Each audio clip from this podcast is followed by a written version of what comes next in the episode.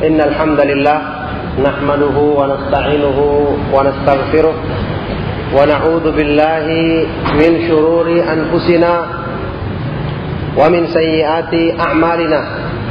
من يهده الله فلا مضل له ومن يضلل فلا هادي له. وأشهد أن لا إله إلا الله وحده لا شريك له.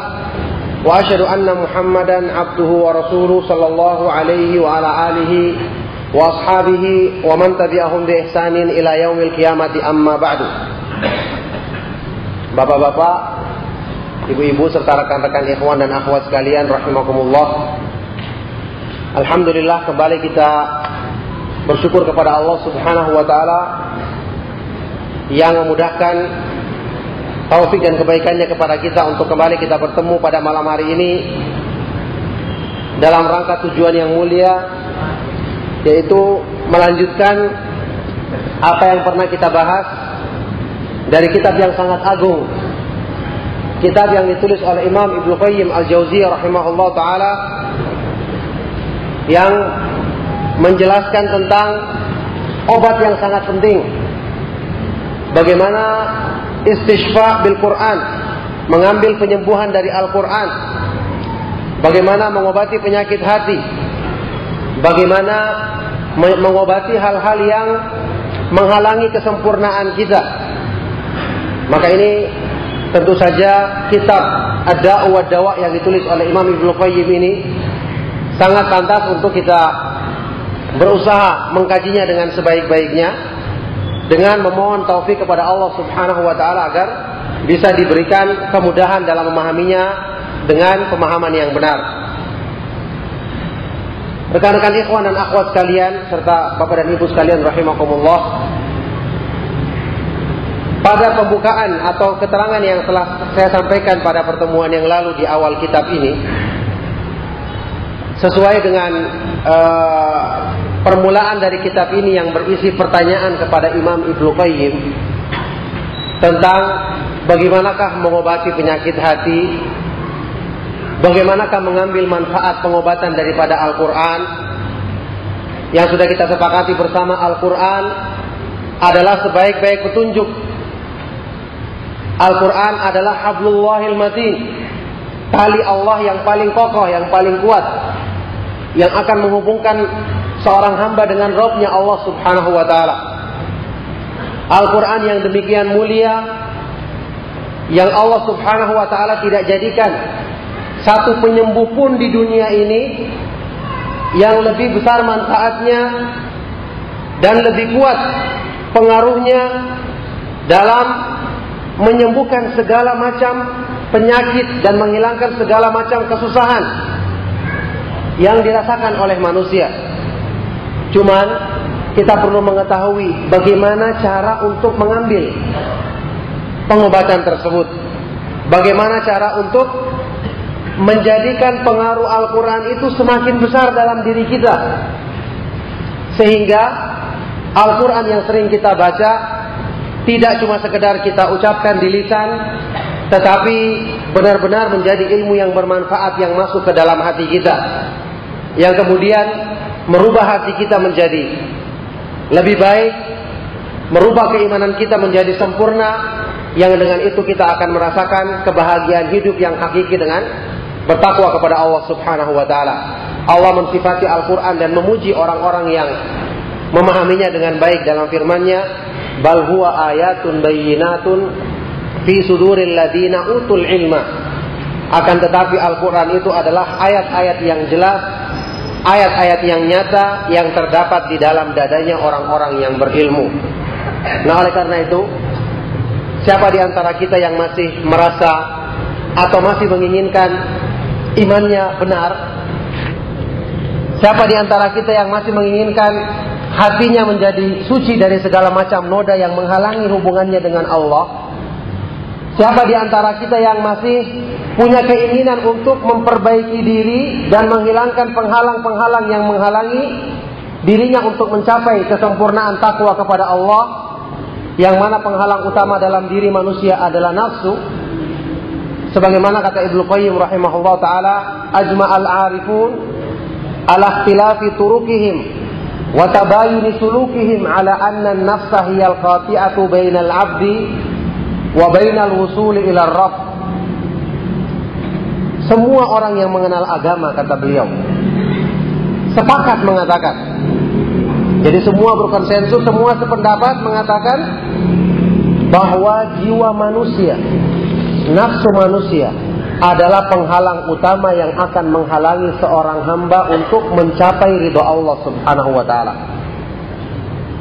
Maka jangan berharap bisa mencapai takwa kalau tidak ingin kalau tidak punya kemauan berjuang menundukkan hawa nafsu.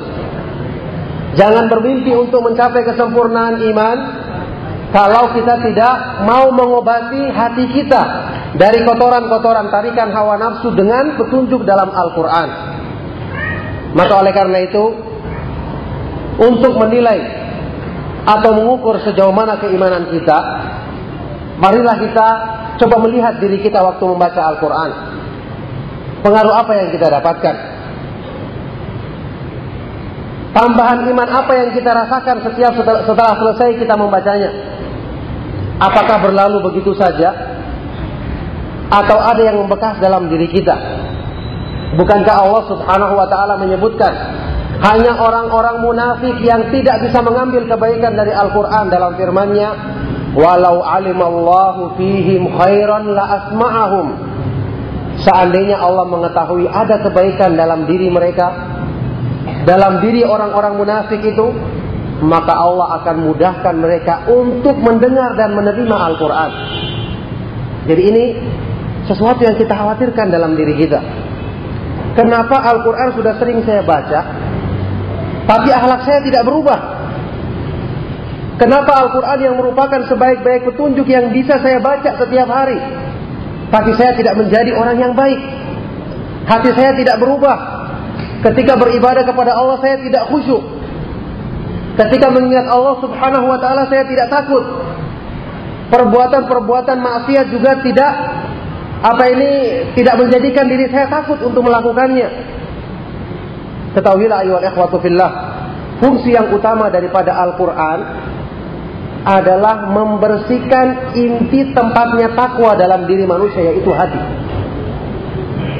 Karena takwa itu kata Nabi Shallallahu Alaihi Wasallam dalam hadis Sahih riwayat Imam Bukhari, at-takwa hahuna, at-takwa hahuna, takwa terletak di sini, di dalam hati. Takwa terletak di sini, Artinya apa? Kalau amalan anggota badan, semua orang bisa menampakkan seolah-olah dia baik.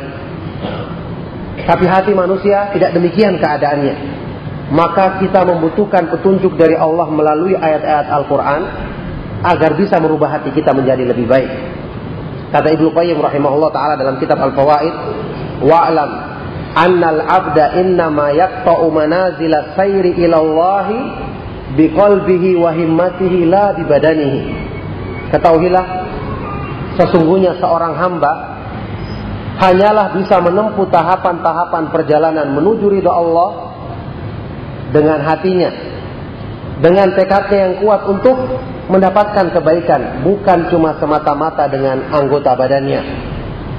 Jadi, takwa yang sebenarnya adalah yang terpancar dari dalam hati. Itulah makna firman Allah Subhanahu wa taala dalam ayat lain dalam surat Al-Hajj. Dzalika wa may yu'azzim sya'airallahi fa innaha min taqwal qulub. Yang demikian itu maka barang siapa yang memiliki pengagungan terhadap perintah dan larangan Allah, syiar-syiar Allah, maka itu timbulnya dari takwa yang terdapat dalam hati. Jadi orang yang ingin menilai dia punya takwa atau tidak caranya gampang. Bagaimana dia ketika berhadapan dengan perintah dan larangan Allah? Apakah dia mengagungkannya? Atau misalnya dia cuma kerjakan perintah Allah ketika di hadapan orang lain. Ketika dia sendiri maka dia akan melanggar. Berarti dia tidak punya pengagungan terhadap syariat Allah, perintah dan larangannya. Berarti dia cuma mengagungkan dirinya sendiri supaya dipuji oleh orang lain.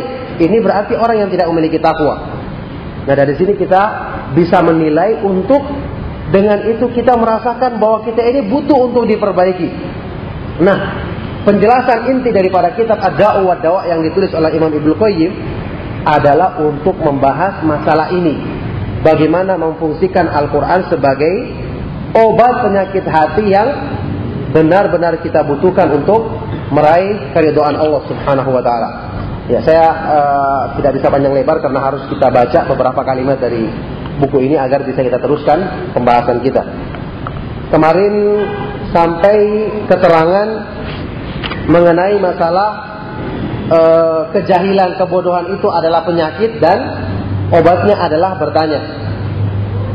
Bahkan kemarin kalau nggak salah sampai kita membaca sebuah hadis yang sahih riwayat Bukhari Muslim tentang pengobatan penyakit dengan surat Al-Fatihah. Insya Allah ini sudah selesai. Coba dilihat bagi yang punya kitab uh, kurang lebih sekitar halaman keempat dari awal. Kalau di kitab yang warna merah halaman 14 ya.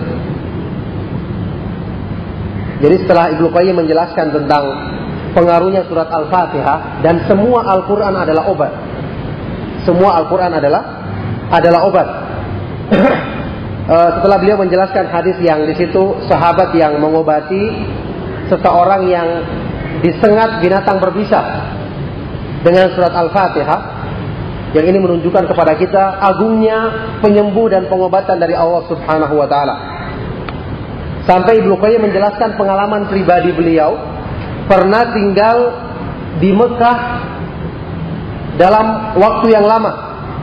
Ketika beliau merasakan berbagai macam penyakit yang tidak mendapatkan seorang tabib yang mengobati, maka beliau mengobati dengan membaca surat Al-Fatihah, maka beliau melihat satu penyembuhan yang sangat mengagumkan dari petunjuk Allah Subhanahu wa taala ini. Bahkan beliau kemudian mengajarkan kepada orang lain yang juga dipraktekannya, maka memberikan kesembuhan yang luar biasa. Saya pernah mendengar salah seorang ulama di di Madinah pernah bercerita bahwa satu saat ada seorang wanita muslimah dari luar Arab Saudi dia datang dengan penuh keyakinan akan apa ini e, pertolongan dari Allah Subhanahu wa taala karena dia membawa penyakit. Penyakit yang sangat parah dalam dirinya, kalau nggak salah tumor ganas atau apa begitu ya. Ketika dia sudah berkeliling ke sana kemari, tidak ada seorang dokter pun yang sanggup mengobati penyakitnya. Maka dia kemudian uh, ingat dengan keimanannya bahwa Allah Subhanahu wa taala Maha mampu melakukan segala sesuatu. Akhirnya dia mengatakan kepada suaminya bahwa dia ingin apa ini mendekatkan kepada diri kepada Allah secara khusus di kota Mekah. Dia ingin datang ke sana yang namanya dia juga orang yang berada, suaminya sudah menyewakan hotel yang baik, tapi kemudian dia memilih tinggal di masjid. Jadi cuma suaminya yang tinggal di hotel, dia tinggalnya di masjid. Kurang lebih sekitar sepekan dia tinggal di Mekah, dia tidur di situ, dan dia banyak mengkonsumsi meminum air zam-zam dalam kesehariannya. Sambil dia terus setiap hari mengambil air zam-zam, dia berdoa kepada Allah. Karena kita tahu air zam-zam itu keutamaannya, kata Nabi Shallallahu Alaihi Wasallam, ma'u zam-zam lima syuri balahu hadis sahih. Air zam-zam itu adalah sesuai dengan untuk apa dia diminum. Akhirnya setiap hari diambil air zam-zam diusapkan ke tempat penyakitnya. Setiap dia setiap saat dia berusaha lakukan itu, maka setelah seminggu kemudian dia sembuh tanpa ada bekas sedikit pun dengan izin Allah Subhanahu wa taala. Nah, ini contoh dari orang-orang yang diberi taufik untuk mendapatkan penyembuhan dari petunjuk Allah. Cuman ada syarat yang harus kita penuhi. Sebagaimana obat, obat di dunia. Kalau kita ingin mengambil manfaat darinya, kita kan harus tahu resepnya, tahu dosisnya, Kemudian tahu kecocokan obat mana yang pas untuk diri kita, kan begitu. Bisa jadi untuk orang lain sembuh belum tentu sembuh untuk kita, maka perlu kita bertanya kepada ahli yang meresep, meresepkan atau membuat obat tersebut agar bisa memberi manfaat yang maksimal. Nah, Ibnu Qayyim terangkan di sini. Beliau mengatakan, "Walakin hahuna amrun yang bagi at-tafattunu laha." Tapi di sini kata beliau, dalam pembahasan ini ada satu masalah yang mesti dipahami dengan baik. Jadi dalam upaya mengobati penyakit dengan Al-Quran ini ada perkara yang penting yang kadang dilalaikan oleh manusia. Yaitu apa kata beliau? Wahuwa annal azkar wal ayati wal adiyat allati yustashfa biha wa yurqa biha hiya fi nafsiha nafi'atun syafiyatun walakin tastad'i qabul al mahal wa quwwata himmatil fa'il wa ta'thirihi. Ada hal yang perlu dipahami? Ada hal yang perlu diperhatikan dalam masalah ini yaitu apa? Zikir-zikir yang disyariatkan dalam agama yang bersumber dari Al-Quran dan hadis-hadis yang sahih dari Nabi Shallallahu Alaihi Wasallam. Ayat-ayat Al-Quran dan doa-doa dari Al-Quran dan Sunnah Nabi Shallallahu Alaihi Wasallam yang demikian besar manfaatnya.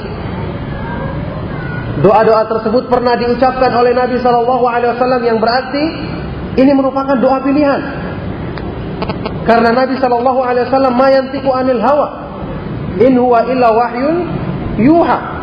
Tidak berbicara dari hawa nafsunya, wahyu dari Allah yang beliau ucapkan. Berarti ini adalah pilihan dari Allah. Nah kenapa kita banyak mengucapkan doa tersebut tapi tidak memberi manfaat? Ada masalah apa? Nah beliau jelaskan zikir-zikir tersebut, ayat-ayat Al-Quran dan doa-doa yang kita gunakan untuk yustashfa biha, meminta penyembuhan dengannya dan digunakan untuk merukyah yang membacakan kepada orang yang sakit seperti yang kita ketahui bahwasanya ini termasuk uh, yang disyariatkan dalam agama untuk mengobati bagi manusia penyakit lahir maupun batin penyakit lahir maupun batin cuma kebanyakan manusia saat ini hanya membatasi Al-Quran sebagai obat untuk orang kesurupan saja sampai dibuat perkara yang berlebih-lebihan dalam masalah ini. Ini tidak benar. Alhamdulillah. Alhamdulillah Rabbil Alamin. Wassalatu wassalamu ala nabiyyina Muhammadin wa ala alihi wa ashabihi wa man tabi'ahum bi ihsanin ila yaumiddin. Amma ba'du. Rekan-rekan ikhwan dan akhwat sekalian rahimakumullah. Alhamdulillah kita teruskan kembali kajian kita membaca kitab yang sangat bermanfaat ini ada wa dawa penyakit dan obatnya. Jadi eh, pembahasan yang lalu sudah saya jelaskan bahwa di sini Ibnu mengingatkan bahwa pengaruh dari Al-Quran, zikir-zikir yang disyariatkan dalam Al-Quran dan Sunnah serta doa-doa yang bermanfaat dari petunjuk Allah dan Rasulnya Sallallahu Alaihi Wasallam agar bisa diterima dengan baik. Itu tastad'i qabulal mahal yakni mengharuskan adanya media yang bisa menerima pengaruh itu. Mengharuskan adanya uh, apa ini seseorang menyiapkan dalam dirinya tempat untuk bisa yang siap menerima pengaruh tersebut di samping kekuatan himmah ya dia harus memiliki kekuatan apa ini tekad kekuatan keinginan kemauan yang kuat serta ta'zir ya pengaruh yang pengaruh yang besar dalam dirinya. Jadi dia harus yakin dia harus benar-benar beriman kepada Allah Subhanahu wa taala bahwa ini adalah uh, sumber penyembuh yang paling utama karena Allah yang, menemu, yang menamakan sendiri Al-Quran sebagai syifa, sebagai pengobat, sebagai penyembuh bagi manusia. Jadi jika dia memiliki keyakinan yang kuat akan hal ini, kemudian dia bersandar kepada Allah Subhanahu wa taala, maka insya Allah itu akan bermanfaat dan memberikan kesembuhan dengan izinnya. Kata beliau selanjutnya, famata takhallafa syifa'u famata takhallafa syifa'u kana li dha'fi ta'thiril fa'il aw li adami qabulil mahallil munfa'il maka ketika terjadi kenyataan penyembuhannya tidak terlaksana. Fakhallafa syifa. Kesembuhan tidak tercapai. Atau kesembuhannya tidak terwujud. Maka ini terjadi karena sebab apa? Dha'fi ta'sir.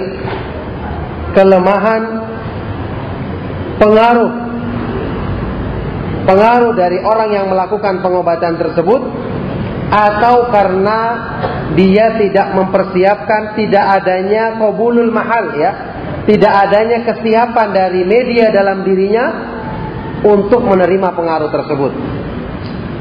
Jadi faktor-faktor ini harus diperhatikan. Faktor-faktor ini harus diperhatikan. Sumbernya sudah bagus Al-Quran dan Sunnah kita sudah yakini kebaikannya. Tapi yang jadi kendala, bagaimana kebaikan tersebut akan masuk ke dalam diri orang yang tidak mempersiapkan diri untuk menerima kebaikan. Seperti yang saya pernah terangkan, Ibnu Qayyim menyebutkan satu kaidah penting dalam kitabnya ada Al-Fawaid, annal mahallal wahid la yajtami'u fihi dhiddan. Pada tempat yang satu tidak akan terkumpul dua hal yang bertentangan. Hati manusia ini Allah Subhanahu wa taala turunkan untuk diisi dengan hal-hal yang mulia. Maka kalau hatinya sudah dipenuhi dengan kotoran, otomatis ketika ingin diisi dengan manfaat daripada Al-Qur'an, ya harus rebutan tempat dulu. Maka untuk bisa berfungsi hatinya dengan baik harus dibersihkan dulu dari kotoran-kotoran. Ini yang kadang menjadi penyebab Al-Quran itu kurang bermanfaat bagi kita. Allah berfirman tentang Al-Quran dalam firman-Nya, Inna fi dzalika ladzikra liman kana lahu qalbun aw alqa sam'a wa huwa syahid. Sesungguhnya pada Al-Quran itu ada pelajaran sebenarnya. Ada peringatan. Bagi siapa? Bagi orang yang memiliki hati yang sehat, hati yang hidup, hati yang bersih. Jadi sejauh mana manusia itu mempersiapkan hatinya membersihkan hatinya dari kotoran-kotoran, maka sejauh itu pula nanti manfaat yang bisa ditampungnya dalam hatinya. Makanya Allah memperumpamakan ilmu darinya seperti hujan, sedangkan hati manusia seperti seperti apa? Seperti lembah-lembah yang ada di dunia. Kalau semakin besar daya tampungnya, maka semakin banyak pula ilmu yang ilmu yang masuk. Allah berfirman, "Anzala minas sama'i ma'an Fasalat audiyatun biqadariha. Allah menurunkan hujan dari langit. Yang kemudian air hujan itu akan mem memenuhi dan mengaliri lembah-lembah, sungai, danau dan sebagainya sesuai dengan daya tampungnya masing-masing. Ini perumpamaan yang sangat indah tentang ilmu dari petunjuk Allah Subhanahu wa taala. Ketika dia turun ke dalam hati manusia, kalau hati itu banyak kosongnya, bersih, maka makin banyak yang ditampungnya. Sehingga maksimal pengaruh yang diberikannya. Tapi kalau hatinya sudah dipenuhi dengan syubhat, dipenuhi dengan kotoran hawa nafsu, tidak dibersihkan dengan bertobat kepada Allah, dengan meminta ampun atas dosa-dosa, maka akan sulit masuknya pengaruh dan manfaat daripada ilmu. atau limani'in qawiyin fihi yamna'u ayyanja'a fihi atau adanya penghalang yang kuat adanya penghalang yang kuat yang mencegah penyembuhan atau bermanfaatnya pengobatan bagi orang tersebut sudah terpenuhi kebaikan sudah terpenuhi syarat-syaratnya tapi kadang-kadang ada manik, penghalang yang menghalangi manfaat tersebut. Seperti yang saya isyaratkan dalam ayat tadi surat Qaf tadi. Wa syahid. Al-Quran itu untuk bisa diambil manfaatnya membutuhkan empat faktor. Yang pertama, eh, apa ini manfaat daripada Al-Quran akan kita ambil dengan sempurna dengan empat faktor. Sumber yang baik, Al-Quran. Media yang baik, yaitu hati manusia. Kemudian ada penghubung di antara keduanya. Karena bagaimanapun sumber untuk bisa sampai ke media harus ada penghubungnya. Kayak lampu harus ada kabelnya. Baik, ini semua sudah terpenuhi. Tiga-tiganya. Tapi kadang-kadang ada penghalang. Yaitu apa? kelalaian misalnya. Dia menghadiri pengajian atau mendengarkan Al-Quran dibaca tapi kurang konsentrasi. Ya tidak masuk pengaruh. Waktu dia melakukan pengobatan, waktu dia mengambil penyembuhan daripada Al-Quran, dia kurang merenungi artinya. Dibaca tapi pikirannya ke mana-mana. Atau dia kurang paham artinya misalnya. Maka terhalang masuknya pengaruh. Terhalang masuknya pengaruh. Ingat, ini kita ingin mengambil sesuatu yang mulia dari Allah Subhanahu wa taala. Maka wajar kalau kita perlu berusaha payah. Ini kemuliaan yang tinggi. Jelas tidak semua orang bisa mengambilnya. Kalau ada yang bertanya kenapa susah sekali untuk bisa mengambil manfaat daripada Al-Quran. Nah kalau seandainya mudah maka berarti semua orang akan mendapatkan hidayah. Bukankah hidayah itu adalah kekhususan yang Allah berikan kepada hamba-hamba pilihannya? Zalika fadlullahi yu'tihi mayasya. Itu adalah keutamaan yang Allah berikan kepada siapa yang dikehendakinya. Yaktasu bi rahmatihi mayasya Allah ingin mengkhususkan, mengistimewakan orang-orang yang tertentu dengan rahmatnya. Oleh karena itu, hanya orang-orang yang mau berjuang, mau bersabar, mau memperbaiki diri, mempersiapkan media-media tadi atau syarat-syarat tadi, dengan dia selalu minta pertolongan kepada Allah, baru dia yang pantas mendapatkannya. Adapun orang yang dari awal dia tidak mau berputus asa, kalau dalam masalah masalah urusan dunia, dia rela mengusahakan semua cara, mengorbankan semua yang dimilikinya untuk kesembuhan urusan dunianya. Ini kebanyakan manusia seperti itu. Ya alamuna zahiran minal hayati dunia, wahum anil akhirati humul ghafilun. Hanya mengetahui yang lahir dari kehidupan dunia. Tapi untuk akhirat lalai. Jadi kalau hal-hal yang bersifat duniawi, mereka sangat ahli kata Ibnu Katsir dalam tafsirnya. Kebanyakan manusia kalau disuruh cari keuntungan dunia, usaha-usaha dunia, mereka tahu dengan terperinci cara-caranya. Tapi kalau keuntungan akhirat, kebaikan hati yang tidak kelihatan, mereka gafilun. Seperti orang yang tidak tahu apa-apa sama sekali. Tidak mau bersabar. Padahal untuk kebaikan agamanya. Untuk manfaat dirinya sendiri agar dia bisa mendapatkan kemuliaan dari Allah untuk dirinya bukan untuk siapa-siapa. Tapi dia tidak mau bersabar. Jelas ini tidak akan mungkin. Apa ini uh, semua manusia akan mendapatkannya maka hanya orang-orang yang mempersiapkan diri yang bersabar yang bisa meraih hal tersebut. Oleh karena itu seorang penyair mengatakan wa kullil murajji ma'aliyal umuri bi ghairi istihadin rajautal muhala. Katakanlah kepada orang-orang yang ingin mendapatkan perkara-perkara yang mulia tanpa kesungguhan berarti kamu mengharapkan sesuatu yang mustahil untuk didapatkan. Penyair lain mengatakan, laulal masyaqqatu sadan nasu kulluhum aljudu mufkirun wal ikdamu qattalu. Seandainya bukan karena sulit, kesulitan, keberatan, perjuangan, maka semua orang akan menjadi mulia. Karena sifat dermawan itu beresiko akan membuat orang takut miskin, Sedangkan ikdam, sikap pemberani itu akan beresiko akan membinasakan membinasakan seseorang. Jadi kemuliaan apa kesungguhan dari manusia itulah syarat untuk mendapatkan kemuliaan. Maka kita bersabar untuk kemuliaan diri kita sendiri, kemuliaan yang kekal abadi selama-lamanya kita harusnya siap berkorban supaya Allah Subhanahu wa taala mengetahui kesungguhan kita yang sesuai dengan kadar kesungguhan itu pula nantinya Allah akan memberikan hidayah dan taufiknya kepada kepada kita. Kama yakunu dzalika kata beliau, kama yakunu dzalika fil adwiyati wal adwa'il hissiyah. Sebagaimana ini keadaannya, keadaan ini terjadi pada penyakit-penyakit apa pengobatan-pengobatan dan penyakit-penyakit yang nampak.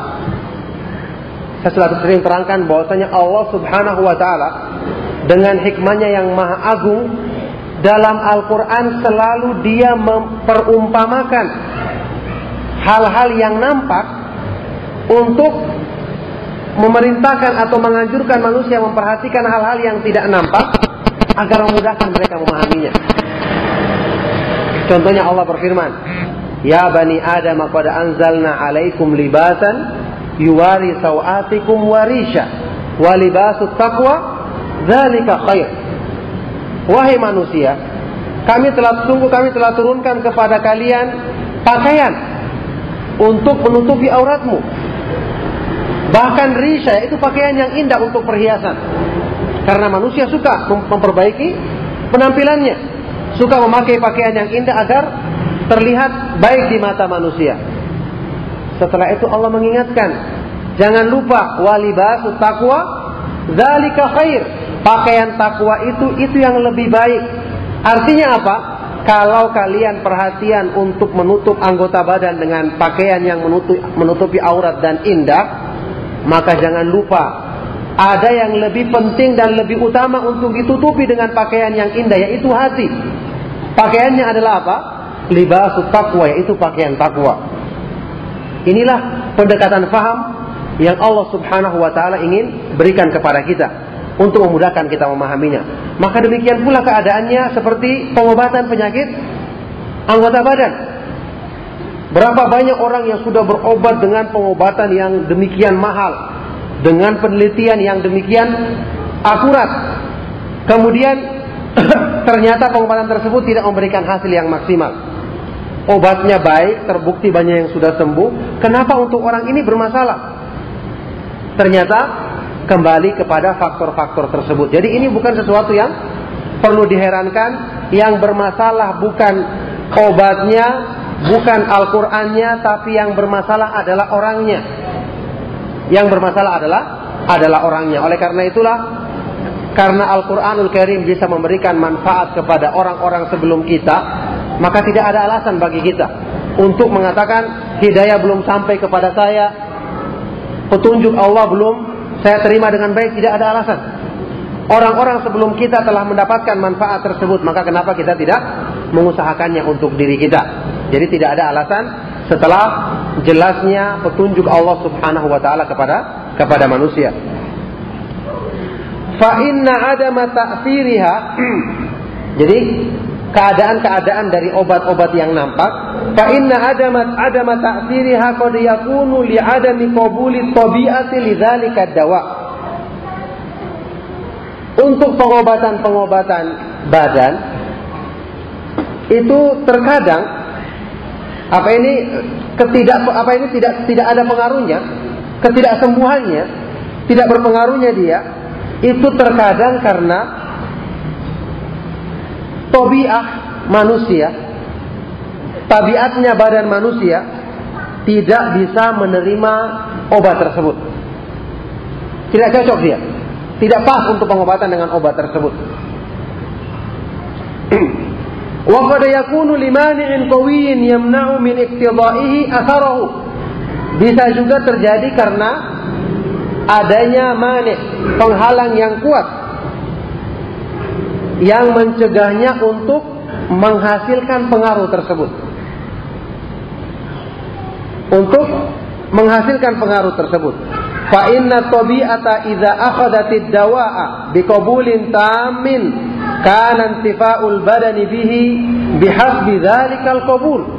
Karena pembawaan diri manusia, pembawaan tubuh manusia kalau dia bisa mengambil pengobatan secara sempurna, maka badannya akan mengambil manfaat dari obat tersebut sesuai dengan penerimaan dari bawaan tubuh manusia itu.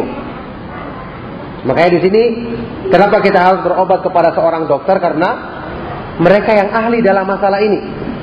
Tidak cuma sekedar kita mengetahui oh ini obat penyakit ini kemudian kita lakukan tidak karena terkadang tobiahnya manusia berbeda-beda pembawaan tubuh mereka berbeda-beda maka perlu orang yang ahli dalam apa ini memberikan resep atau diagnosa yang baik terhadap terhadap penyakit kita.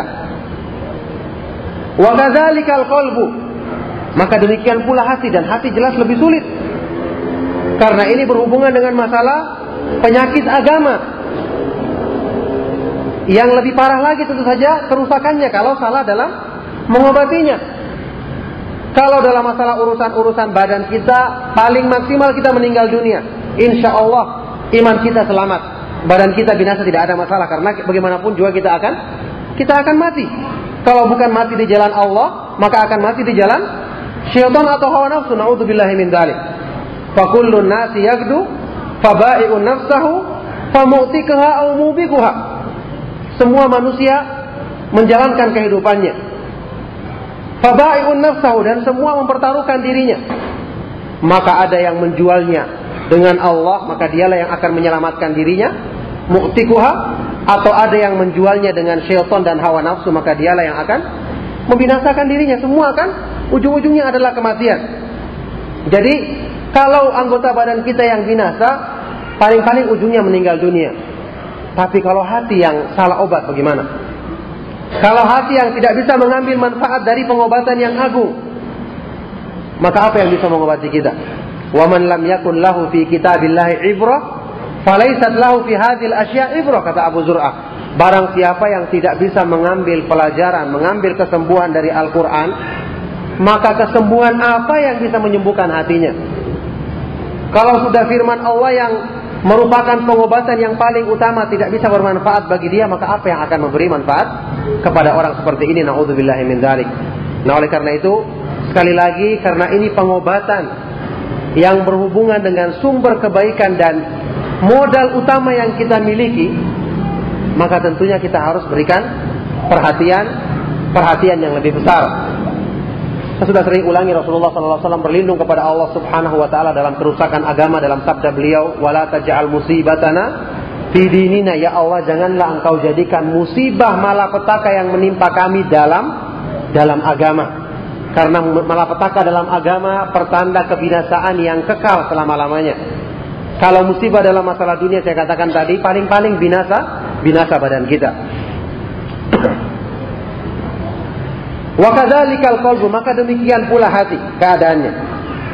Idza akhadha ar-ruqa wa ta'awidh bi qabulin tammin wa kana lirraqi nafsun fa'alatun wa himmatun mu'athiratun asara fi izalati da'i.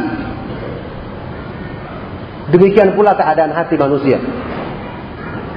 Ketika hati itu mengambil ruqyah, bacaan-bacaan Al-Quran, doa-doa, zikir-zikir dari hadis-hadis yang sahih, dari Al-Quran dan hadis-hadis yang sahih, juga ta'awif, perlindungan-perlindungan dari ayat-ayat maupun zikir-zikir tersebut, jika hati bisa mengambilnya dengan sempurna, hatinya cocok, hatinya paham tentang ayat-ayat yang dibaca dan doa-doa tersebut dipahaminya, sehingga langsung dia mengambilnya hatinya memiliki keimanan terhadap Allah sehingga dia yakin berita yang Allah sampaikan tentang fungsi Al-Quran dan doa-doa tersebut sebagai pengobatan, maka itu pasti benar.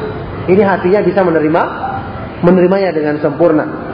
Kemudian liraki orang yang merukianya yang membacakan Quran tersebut memiliki jiwa yang fa'ala.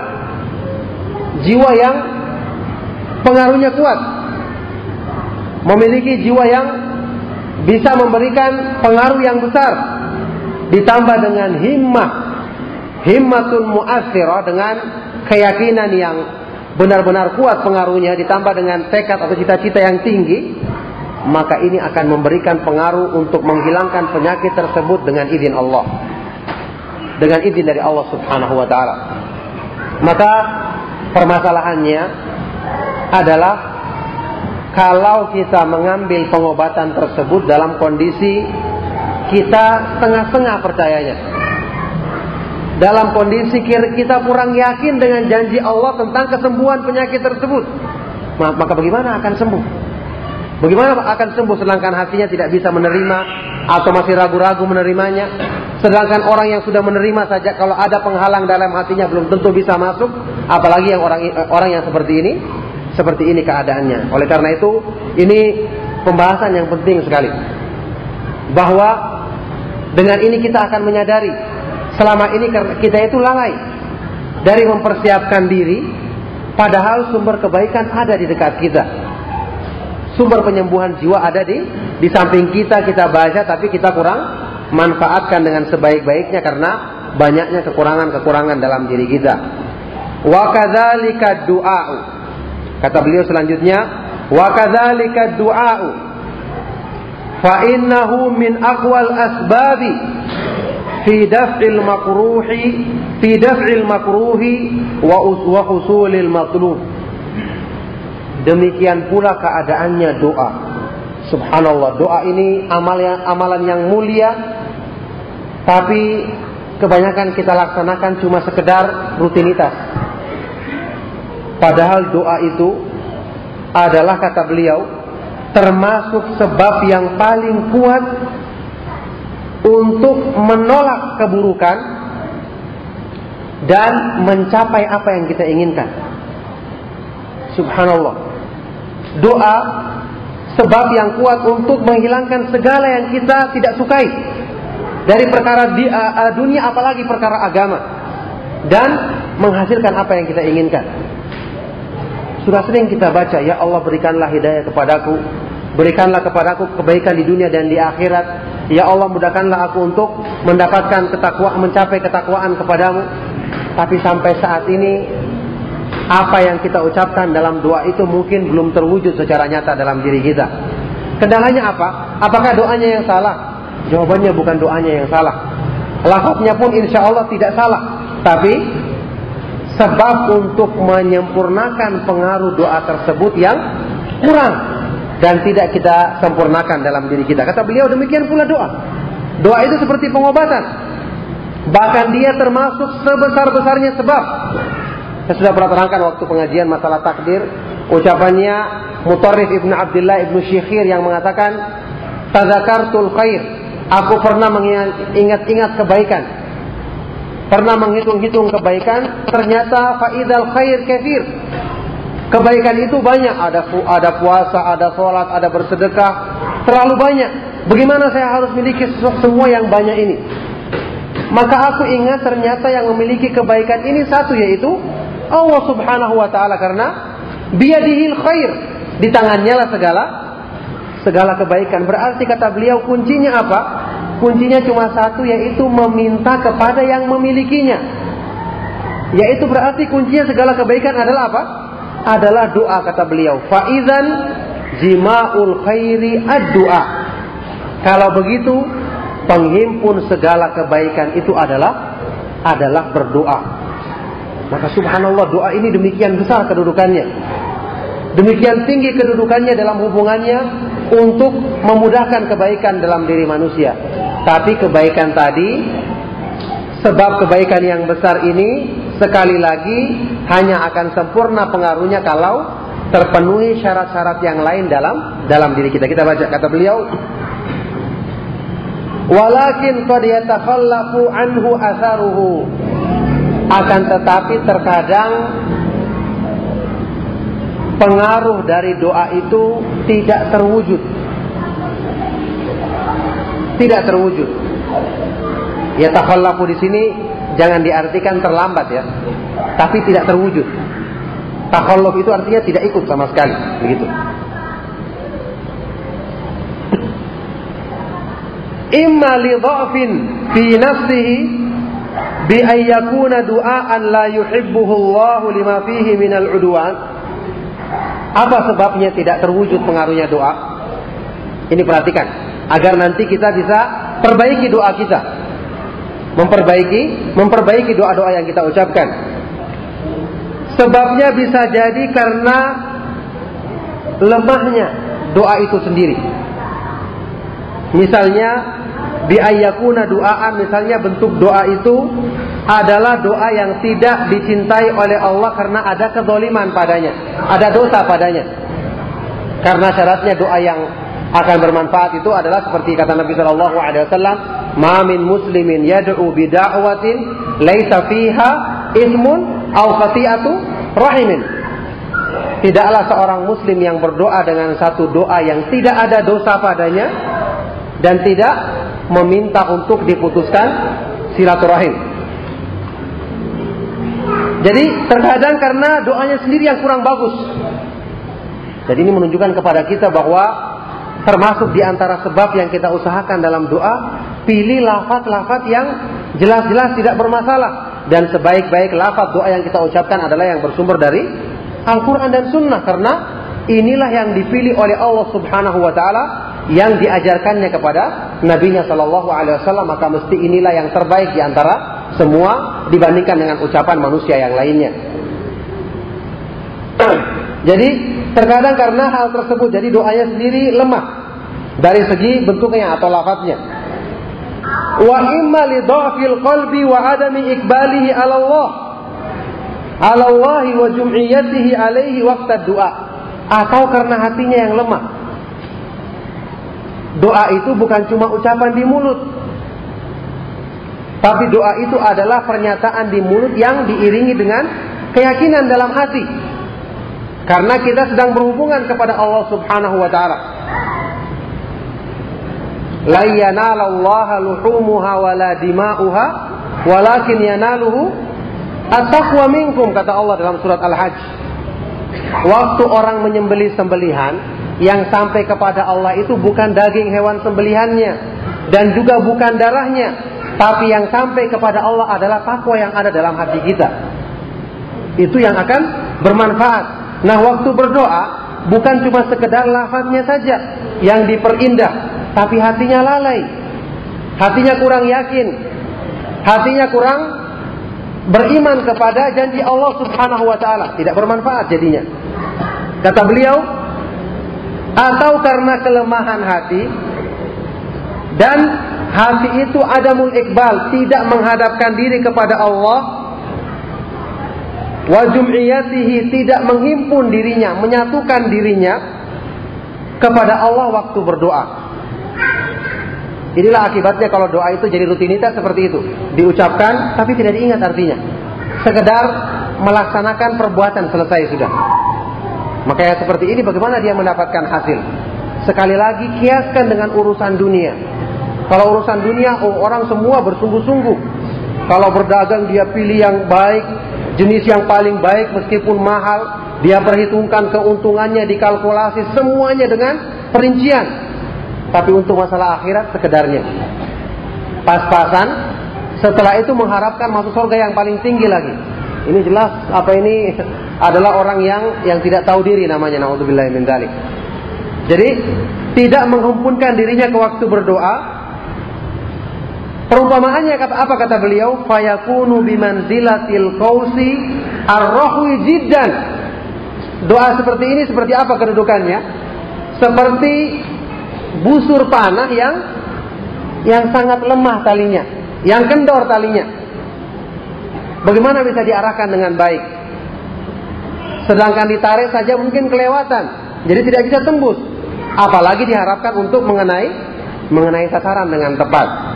Ini perumpamaannya. Jadi terkadang yang jadi masalah itu bukan kurangnya kita dalam mengucapkan doa atau seringnya mengucapkan bukan, tapi konsentrasi kita waktu berdoa.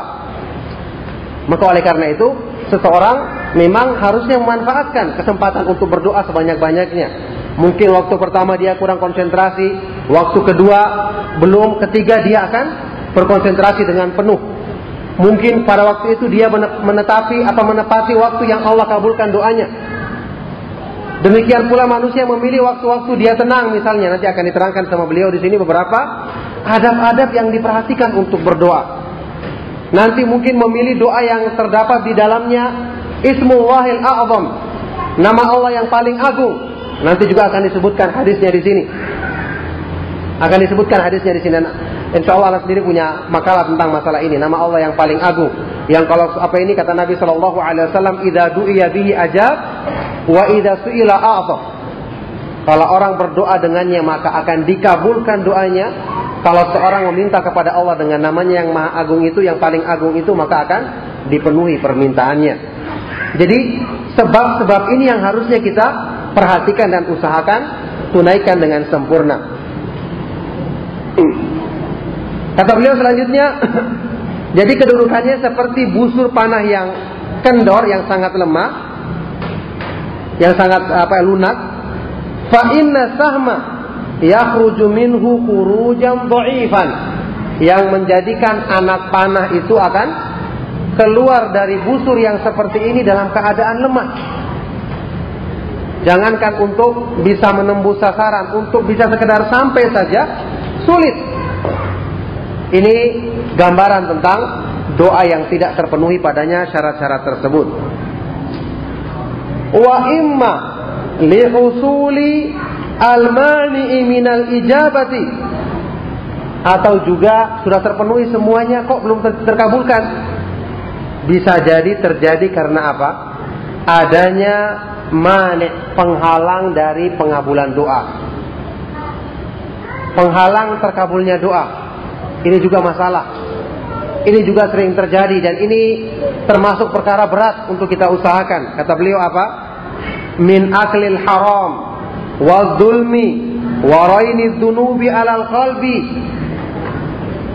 yaitu makanan yang haram. Subhanallah. Makanan yang haram sudah mencelakakan orang, mencelakakan dirinya, doanya lagi yang diharapkan sebagai kebaikan untuk Allah merubah dirinya juga terhalang. Naudzubillahi. Ini makanan yang haram. Oleh karena itu sifat wara, sifat hati-hati selalu memeriksa apa yang masuk ke dalam diri kita yang membentuk daging kita ini sangat diperhatikan seharusnya karena ini akan mempengaruhi kebaikan-kebaikan bagi diri kita. Wa zulm kezoliman yang pernah kita lakukan, ini perbuatan dosa kita. Kemudian raini dzunub dosa-dosa yang menutupi hati. Hitamnya dosa-dosa yang menyelimuti al-qulub hati manusia. Wastila'il ghaflati wasyahwati wallahwi wa ghalabatiha 'alaiha. Juga dominasi dari kelalaian, syahwat, wallahwi hal-hal yang tidak berguna dan e, penguasaan dari semua itu terhadap terhadap hati manusia. Nah, oleh karena itu ini memang merupakan membutuhkan perjuangan. Membutuhkan perjuangan doa-doa kita akan diterima oleh Allah Subhanahu wa taala kalau syarat ini kita penuhi sedikit demi sedikit.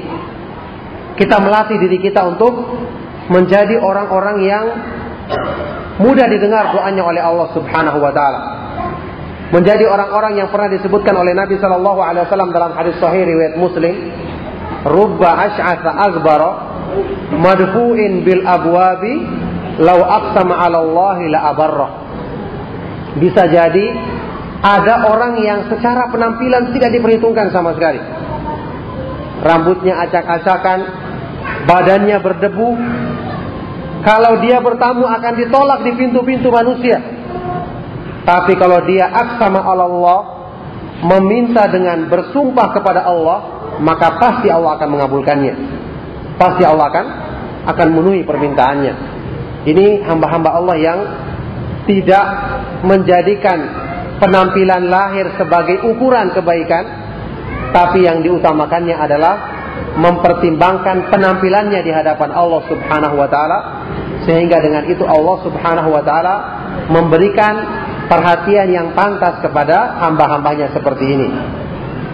Allah Subhanahu wa taala Maha Syakur, Maha berterima kasih kepada manusia.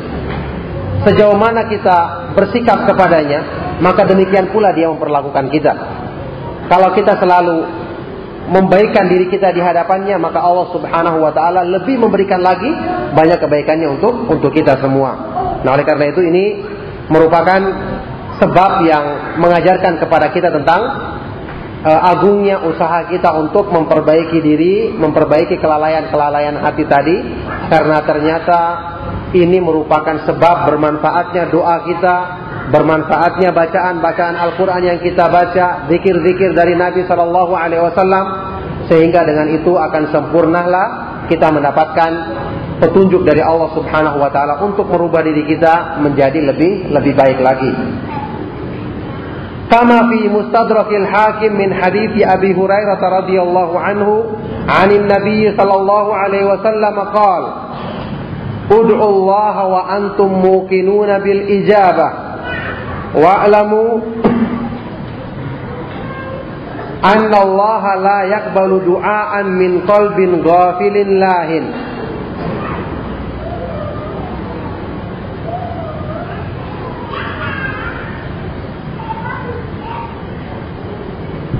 Ya, dalam sebuah hadis yang diperselisihkan kesahihannya dari hadisnya Abu Hurairah radhiyallahu taala anhu dari Nabi Shallallahu Alaihi Wasallam Ud'ullaha berdoalah kepada Allah wa antum muqinuna bil ijabah dalam keadaan kalian yakin akan dikabulkan. Jadi yakin. Mulutnya berdoa, lidahnya mengucapkan lafaz doa yang benar disertai keyakinan dalam hati. Ini namanya orang yang benar-benar memfungsikan semua anggota badannya menghadapkan dirinya kepada Allah Subhanahu wa taala.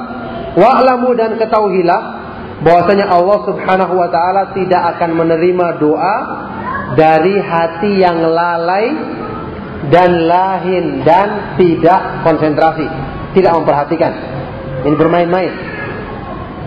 Allah Subhanahu wa taala tidak akan mengabulkan doa yang demikian. Oleh karena itu karena doa ini agung, doa ini tinggi kedudukannya, sampai-sampai dalam hadis yang sahih Rasulullah SAW bersabda, "Man lam yas'alillaha yaghdab alaihi." Barang siapa yang tidak mau meminta kepada Allah, maka Allah akan murka kepadanya. Jadi doa ini ibadah yang agung, yang sangat dicintai oleh Allah. Bahkan antum ketahui, bisa antum perhatikan bahwa doa termasuk di antara ibadah-ibadah besar yang padanya terwujud semua bentuk penghambaan diri. Penghambaan diri kepada Allah Subhanahu wa taala. Kita tahu semua ibadah itu dikatakan ibadah secara bahasa berasal dari kata-kata at-tadhallul, merendahkan diri. Orang Arab menyebutkan jalan yang sudah biasa dilalui oleh manusia itu dikatakan torikun mu'abbad. Jalan yang sudah yang sudah biasa diibadai artinya sudah sering dilewati, diinjak-injak, dihinakan. Jadi kata-kata abida ya'budu itu secara bahasa berarti sesuatu yang tunduk dan merendahkan diri. Makanya ibadah itu kata Ibnu Taimiyah rahimahullah taala adalah sesuatu yang yajma'u syai'un yaj, ma yajma'u Goyatal hubbi ma'a goyatit tadallul. Sesuatu yang menghimpun antara puncak kecintaan, jadi kecintaan yang maksimal disertai dengan penger, apa ini kerendahan diri yang maksimal. Maka lihatlah orang yang berdoa terwujud padanya semua hal ini. Ketika dia berdoa kepada Allah, maka dia menunjukkan rasa butuhnya kepada Allah.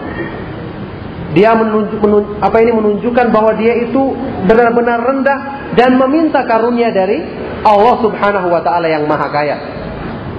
Kemudian ketika dia berdoa dia meyakini sifat Allah yang Maha luas rahmatnya, luas kebaikannya, luas pengampunannya dengan ini dia akan mencintai Allah yang yang sedang diserunya dan sedang diminta diminta kepadanya. Maka oleh karena itu doa ini sangat agung sekali kedudukannya. Maka wajar kalau Rasulullah Shallallahu Alaihi Wasallam bersabda dalam hadis Sahih riwayat Tirmidzi, "Ad-du'a'u huwal ibadah." Doa itu dialah ibadah. Artinya termasuk bentuk ibadah yang agung karena terwujud padanya bentuk penghambaan diri kepada Allah Subhanahu wa taala. Maka wajar kalau saya sudah terangkan tadi, doa itu merupakan penghimpun segala kebaikan.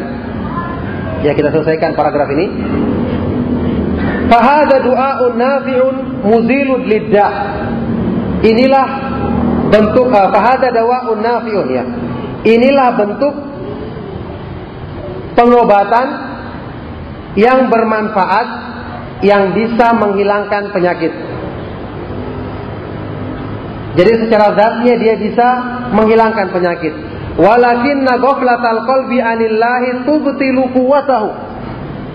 Akan tetapi karena adanya kelalaian hati dari mengingat Allah, ini inilah yang akan membatalkan yang akan merusak kekuatan obat tersebut.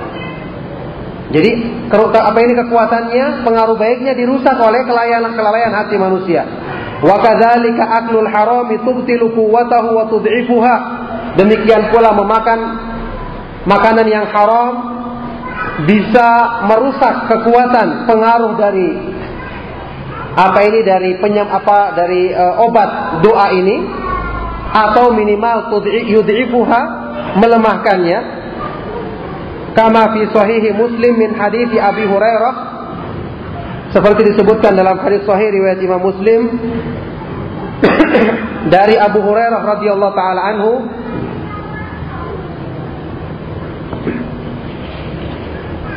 Qala qala Rasulullah sallallahu alaihi wasallam. Rasulullah sallallahu alaihi wasallam bersabda Ya ayyuhan nasu innallaha thayyibun la yaqbalu illa thayyiban Wahai sekalian manusia sesungguhnya Allah itu maha baik, maha thayyib dan dia tidak menerima kecuali yang baik-baik. Dia tidak menerima kecuali yang halal-halal. Wa inna Allah amara al-mu'minina bima amara bihil mursalin kata Nabi sallallahu alaihi wasallam. Dan sungguh Allah Subhanahu wa taala telah memerintahkan kepada orang-orang yang beriman dengan apa yang Allah perintahkan terhadap para rasulnya alaihi wassalatu wassalam. Faqala Allah berfirman, Ya ayyuhar rusulu kulu minat thayyibati wa'malu salihah inni bima ta'maluna alim. Surat Al-Mu'minun ayat 51. Wahai para rasul, makanlah makanan yang baik-baik, yang halal. Dan amalkanlah amalan soleh, sesungguhnya aku maha mengetahui apa yang kalian perbuat. Ini perintah kepada para rasul. Adapun untuk orang yang beriman, beriman Allah berfirman dalam surat Al-Baqarah ayat 172. Ya ayyuhalladzina amanu kulu min thayyibati ma razaqnakum. Wahai orang-orang yang beriman, makanlah dari harta-harta yang halal yang kami anugerahkan, yang kami limpahkan kepada kepada kalian. Ini perintah kepada Rasul seperti yang Allah perintahkan kepada kaum mukminin. Zakara kemudian Nabi Shallallahu Alaihi Wasallam yutilu sama. Kemudian Nabi Shallallahu Alaihi Wasallam menyebutkan perumpamaan orang yang terkumpul dalam dirinya semua sebab-sebab atau banyak sebab-sebab dikabulkannya doa. Orang yang melakukan perjalanan yang panjang. Ini merupakan sebab dikabulkannya doa. Karena berdoa di waktu safar itu sangat diharapkan eh, dikabulkannya. Kondisinya asy'asa akbar. Rambutnya acak-acakan, badannya gubar, diliputi debu. Yang mudu yadaihi ila sama. Ini juga dalil yang menunjukkan mengangkat tangan itu termasuk sebab dikabulkannya doa. Doa waktu berdoa. Dan ini hadisnya mutawatir. Hadisnya banyak sekali diriwayatkan. Kata Imam Suyuti lebih daripada 30 sahabat ya. Dalam lafaz yang berbeda-beda. Dia mengangkat tangannya ke langit. Jadi sudah terkumpul sebab-sebab dikabulkannya doa. Dia bersafar, acak-acakan dia memohon kepada Allah mengangkat tangan lagi. Ya Rob, ya Rob, ucapan doanya lagi yang baik. Wahai Rob, wahai Rob.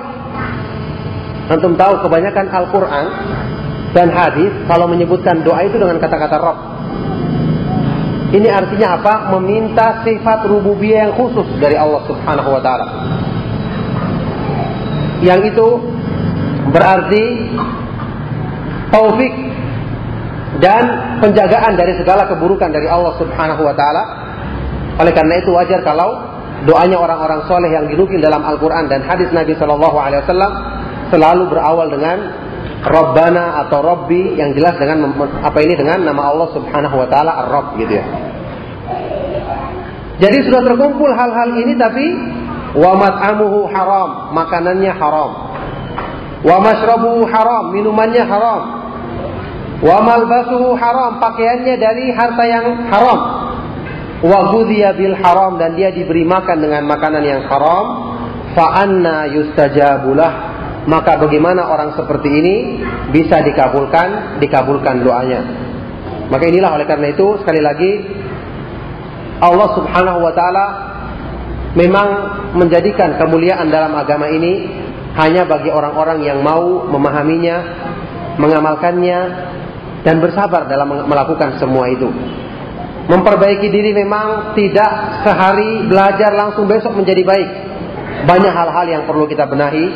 Banyak hal-hal yang dengan kita semakin mengetahui kebaikan tersebut, kita semakin bergantung kepada Allah. Ternyata diri kita ini lemah.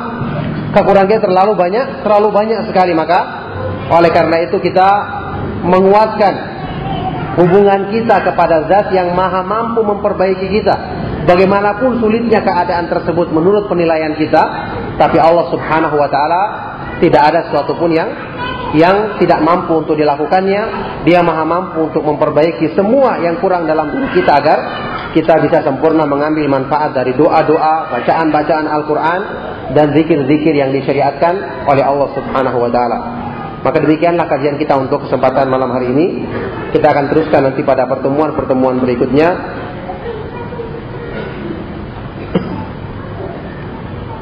Uh, afwan atas segala kekurangannya. Sallallahu wasallam barak ala nabiyina Muhammadin wa ala alihi wa ashabihi wa man tabi'ahum bi ihsanin ila yaumil qiyamah wa akhiru da'wana alhamdulillahi rabbil alamin. Ada kesempatan untuk bertanya, maka saya persilakan bagi yang punya pertanyaan.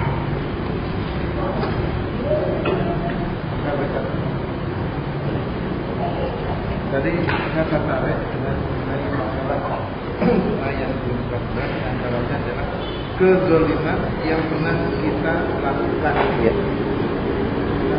Kan padahal yang sudah uh, keobatan akhirat dan sebagainya. Nah, untuk mengetahui bahwa hal tersebut keobatan kita itu oleh Allah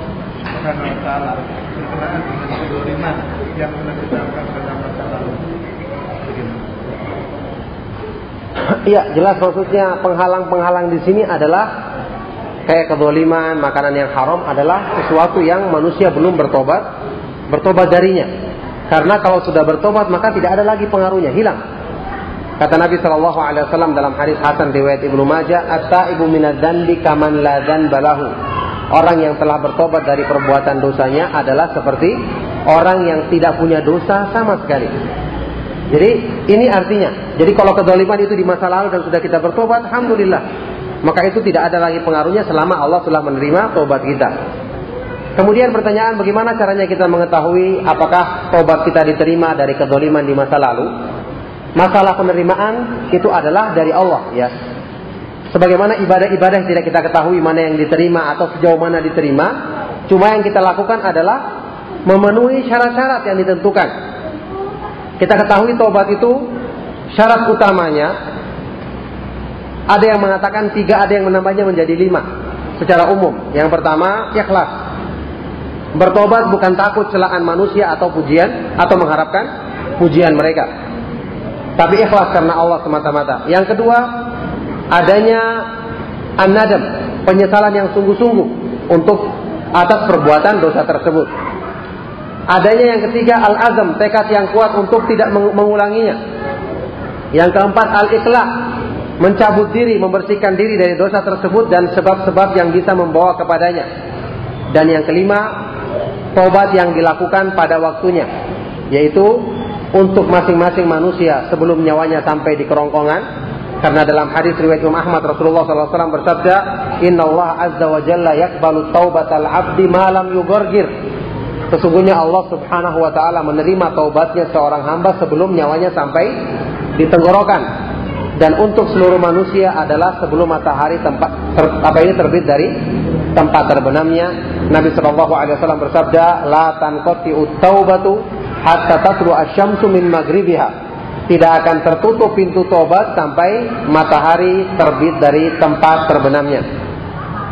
Jika itu dosa itu berhubungan dengan hak manusia, maka tambah satu syarat lagi yaitu kita harus mengembalikan hak tersebut atau meminta maaf darinya agar dia mengikhlaskannya. Nah, kalau sudah kita lakukan hal ini, maka tinggal kita memohon kepada Allah Subhanahu wa taala agar Allah Subhanahu wa taala menerima taubat dan permintaan ampun kita dan semoga Allah Subhanahu wa taala menjadikan hilang bekas dosa tersebut begitu. Kapan waktu-waktu yang tepat mengangkat tangan waktu berdoa? Dalam hadis yang sahih Rasulullah SAW bersabda, Inna Rabbana hayyun karim, yastahi ayyamsutal abdu ilaihi yadaihi fayaruddahuma sifran. Rabb kita Allah Subhanahu wa taala Maha hayi, Maha pemalu dan Maha pemurah, Maha mulia. Dia malu kalau seorang hamba itu mengangkat tangannya kepadanya kemudian ditolak dengan hamba. Para ulama berusaha untuk mengkompromikan hadis-hadis yang menyebutkan tentang keutamaan berdoa dengan angkat tangan dengan hadis-hadis yang di situ Nabi Shallallahu Alaihi Wasallam berdoa tidak mengangkat tangan. Maka mereka mengatakan jika ada satu tempat berdoa yang di situ jelas-jelas disebutkan dalam hadis Nabi Shallallahu Alaihi Wasallam membacanya dan tidak mengangkat tangan, maka kita tidak mengangkat tangan.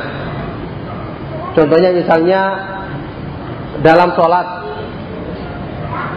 dalam sholat Nabi Shallallahu Alaihi Wasallam misalnya membaca doa waktu sujud, beliau tidak mengangkat tangan.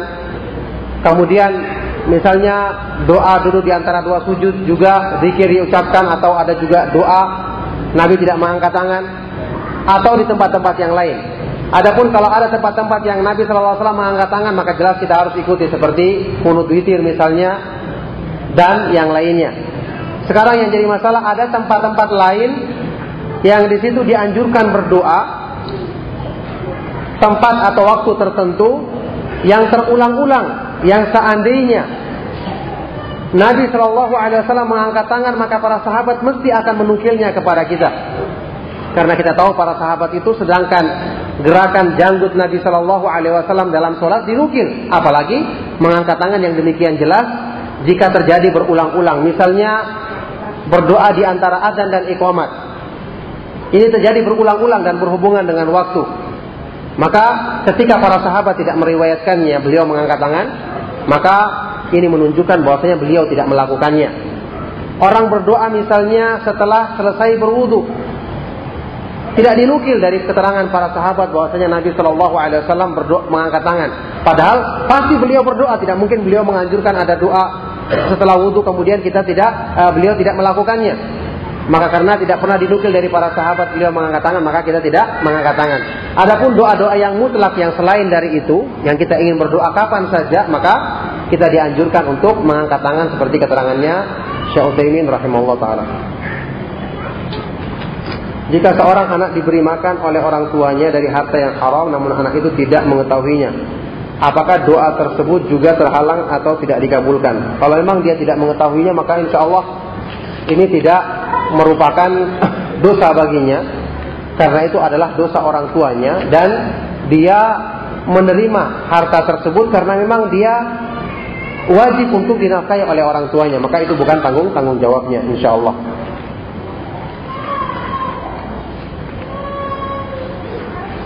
Bagaimana kalau kita tidak mengerti bahasa Arab apakah dengan bahasa kita juga bisa terkabul insya Allah terkabul diperbolehkan oleh para ulama kita berdoa sesuai dengan bahasa yang kita ketahui karena manusia punya keperluan punya permintaan dan sebaik-baik tempat meminta adalah Allah Subhanahu wa taala. Apakah dia orang yang punya hajat yang mendesak harus bisa bahasa Arab dulu baru dia meminta? Maka jawabannya adalah jelas jelas tidak. Apakah dia tidak meminta hidayah setiap hari bagi dirinya dengan alasan tunggu saya paham bahasa Arab dulu baru saya minta hidayah. Bagaimana kalau dia mati sebelum bisa bahasa Arab? Nauzubillah min nah, Maka jawabannya boleh kita berdoa dengan bahasa yang mampu kita lakukan tapi sebaik-baik doa adalah yang berbahasa Arab apalagi yang bersumber dari Al-Quran dan Sunnah. Dalam sholat, insya Allah pendapat yang roji itu dibolehkan. Karena pernah dengar keterangannya Syekh Ali Hasan mengatakan bahwa itu boleh dan itu lebih sesuai. Karena doa itu uh, termasuk ibadah yang secara bentuknya atau secara jenisnya beda sama zikir. Kalau zikir itu lafaznya harus persis zikir itu wajib sama dengan apa yang diucapkan oleh Nabi Shallallahu Alaihi Wasallam. Makanya pernah ada hadis sahabat yang salah membaca apa ini doa waktu sebelum tidur itu aman tu bi alladzi anzalta wa bi nabiyyika arsalta. Ya Allah aku beriman kepada kitab yang engkau turunkan dan nabi yang kamu utus. Maka Nabi mengatakan la wa bi rasulika wa bi alladzi arsalta. Sahabat ini mengatakan dengan rasul yang kamu utus, Nabi mengatakan bukan dengan rasul tapi dengan nabi. Padahal Nabi dengan Rasul kan artinya dekat. Tapi karena zikir tidak boleh dirubah lafaznya maka harus dengan apa adanya. Adapun doa tidak seperti itu. Ketika ada seorang Arab Badui, Arab eh, pedalaman, datang bertanya kepada Nabi Shallallahu Alaihi Wasallam, ketika dia mendengar doanya Nabi dan doanya sahabat Muad bin Jabal, dia tidak paham. Dia mengatakan, Ya Rasulullah, ini ma uksinu dan danataka wala dan danata Muad. Wahai Rasulullah, saya tidak bisa mengucapkan doa seperti doamu dan doanya Mu'ad bin Jabal. Karena dia orang Arab Badui ya, pengetahuannya terbatas. Maka Nabi bertanya, kalau begitu apa doamu? Orang ini mengatakan yang aku lakukan ya saya minta surga dan berlindung dari dari neraka. Maka Nabi SAW mengatakan, Haula dzalika. Sekitar itulah doa-doa kami. Kata para ulama ini menunjukkan bahwa doa itu tidak harus persis dengan doanya Nabi SAW.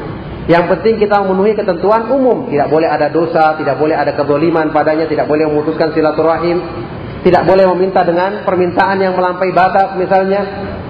Dan permintaan-permintaan yang tidak pantas misalnya. Jadi ada ketentuan umumnya, boleh kita gunakan dengan bahasa kita cuma ada yang terbaik seperti yang saya terangkan tadi yaitu yang bersumber dari Al-Quran dan Sunnah.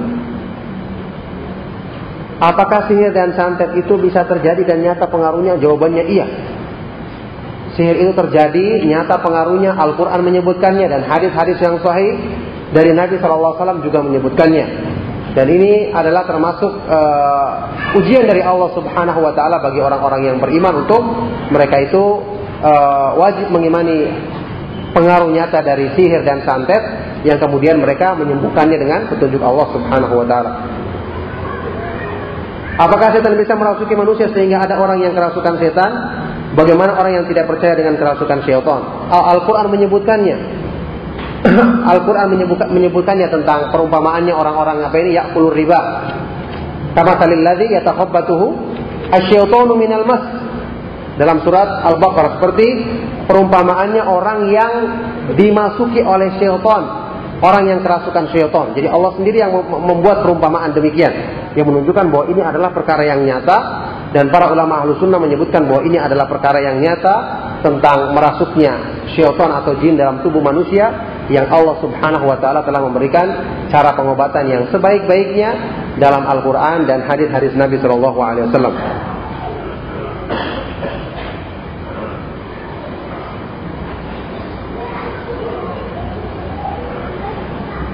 Apakah kalau kita setelah wudhu kemudian kaki kita kena najis?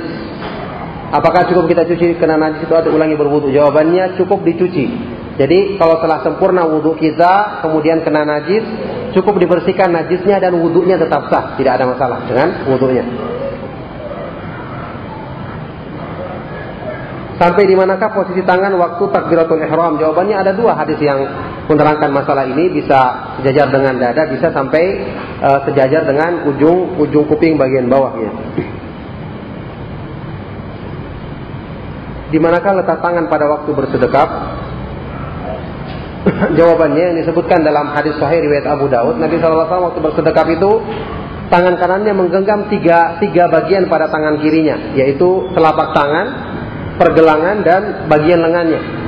Jadi ini diperbolehkan. Yang jelas tangan kanan yang eh, yang kanan menyentuh tiga hal ini maka itu caranya bersedekap seperti yang disebutkan dalam hadis yang sahih.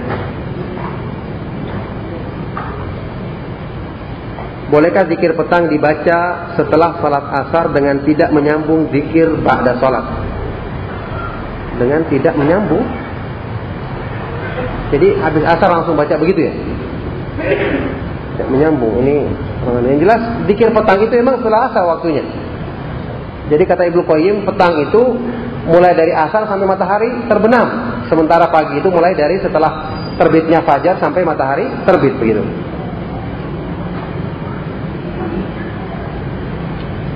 sudah tadi Apakah dibolehkan angkat tangan setelah sholat? Adakah hadis yang mendukung? Setelah sholat itu uh, termasuk tempat-tempat yang terulang-ulang Nabi Shallallahu Alaihi Wasallam uh, perbuatannya dilihat oleh para sahabat Nabi Shallallahu Alaihi Wasallam. Maka pendapat yang paling kuat dalam mengartikan hadis Nabi Shallallahu Alaihi Wasallam dalam Sunan Tirmidzi yang sahih, waktu beliau ditanya ayu doain asma, doa apakah yang paling didengar? Maka Nabi SAW mengatakan duburis salawat uh, fi jawfil lail wa duburis salawatil maktubat. Doa di tengah malam dan doa di akhir di penghujung salat-salat yang wajib. Pendapat yang uh, mengartikan arti penghujung ini dua. Yang inilah yang menjadikan penyebab perselisihan tentang hukumnya berdoa setelah sholat. Ada ulama ulama yang mengatakan penghujung di sini setelah sholat. Ada juga yang mengatakan tidak, tapi sebelum selesai sholat. Pendapat yang kedua yang mengatakan sebelum selesai salat ini insya Allah yang lebih kuat. Karena banyak hadis-hadis yang sahih yang menunjukkan anjuran kita berdoa untuk apa ini berdoa kepada Allah di dalam salat sebelum kita mengucapkan salam. Seperti sabda Nabi Shallallahu Alaihi Wasallam dalam sebuah hadis yang panjang setelah selesai membaca tahiyat salawat beliau mengatakan summa liyatakhayyar minad du'a a'jabahu ilaih. Kemudian dia memilih doa yang paling disukainya. Makanya tempat-tempat yang dianjurkan dalam sholat untuk berdoa dan ini adalah sebaik-baik tempat berdoa karena waktu orang sholat itu dia sedang berhubungan dengan Allah maka itulah kata Ibnu Qayyim tempat yang paling tepat mengungkapkan permintaan dibandingkan di luar sholat. Karena Nabi bersabda dalam hadis yang sahih innal musalliya yunaji rabbahu. Orang yang sholat itu dia sedang berbisik-bisik dengan Allah. Maka artinya itu adalah saat yang tepat untuk mengungkapkan permintaannya. Tempatnya ada dua, yaitu waktu sujud dengan hadis riwayat Imam Muslim, fa'akhiru doa api perbanyaklah doa pada waktu sujud dan uh, waktu tahiyat setelah membaca tahiyat dan salawat kepada Nabi Shallallahu Alaihi Wasallam sebelum salam itu ya. Jadi ini pendapat yang lebih kuat dari dua pendapat tadi, meskipun ada ulama yang mengatakan dengan hadis tadi dianjurkannya berdoa setelah sholat seperti Ibnu Hajar yang berpendapat demikian. Maka ini termasuk khilaf yang yang yang yang punya wajah, yang punya wijhatun nazar. Meskipun yang terkuat adalah e, doa tadi adalah di dalam sholat karena setelah sholat itu tempatnya untuk berzikir. Allah berfirman dalam Al-Quran, "Fa'idha qadaitumus sholata fadkurullaha qiyaman wa qu'udan." Kalau kalian telah menunaikan sholat maka berzikirlah kepada Allah dalam keadaan duduk maupun berdiri.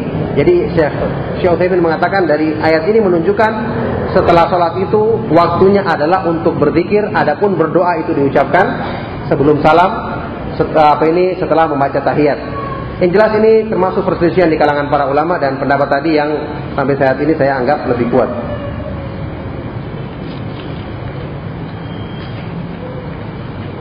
Apakah zikir sore dan pagi dan petang uh, pagi dan petang ya diucapkan mulai uh, dikit sore atau petang mulai diucapkan Ibnu Qayyim mengatakan petang itu setelah habis asar sampai matahari terbenam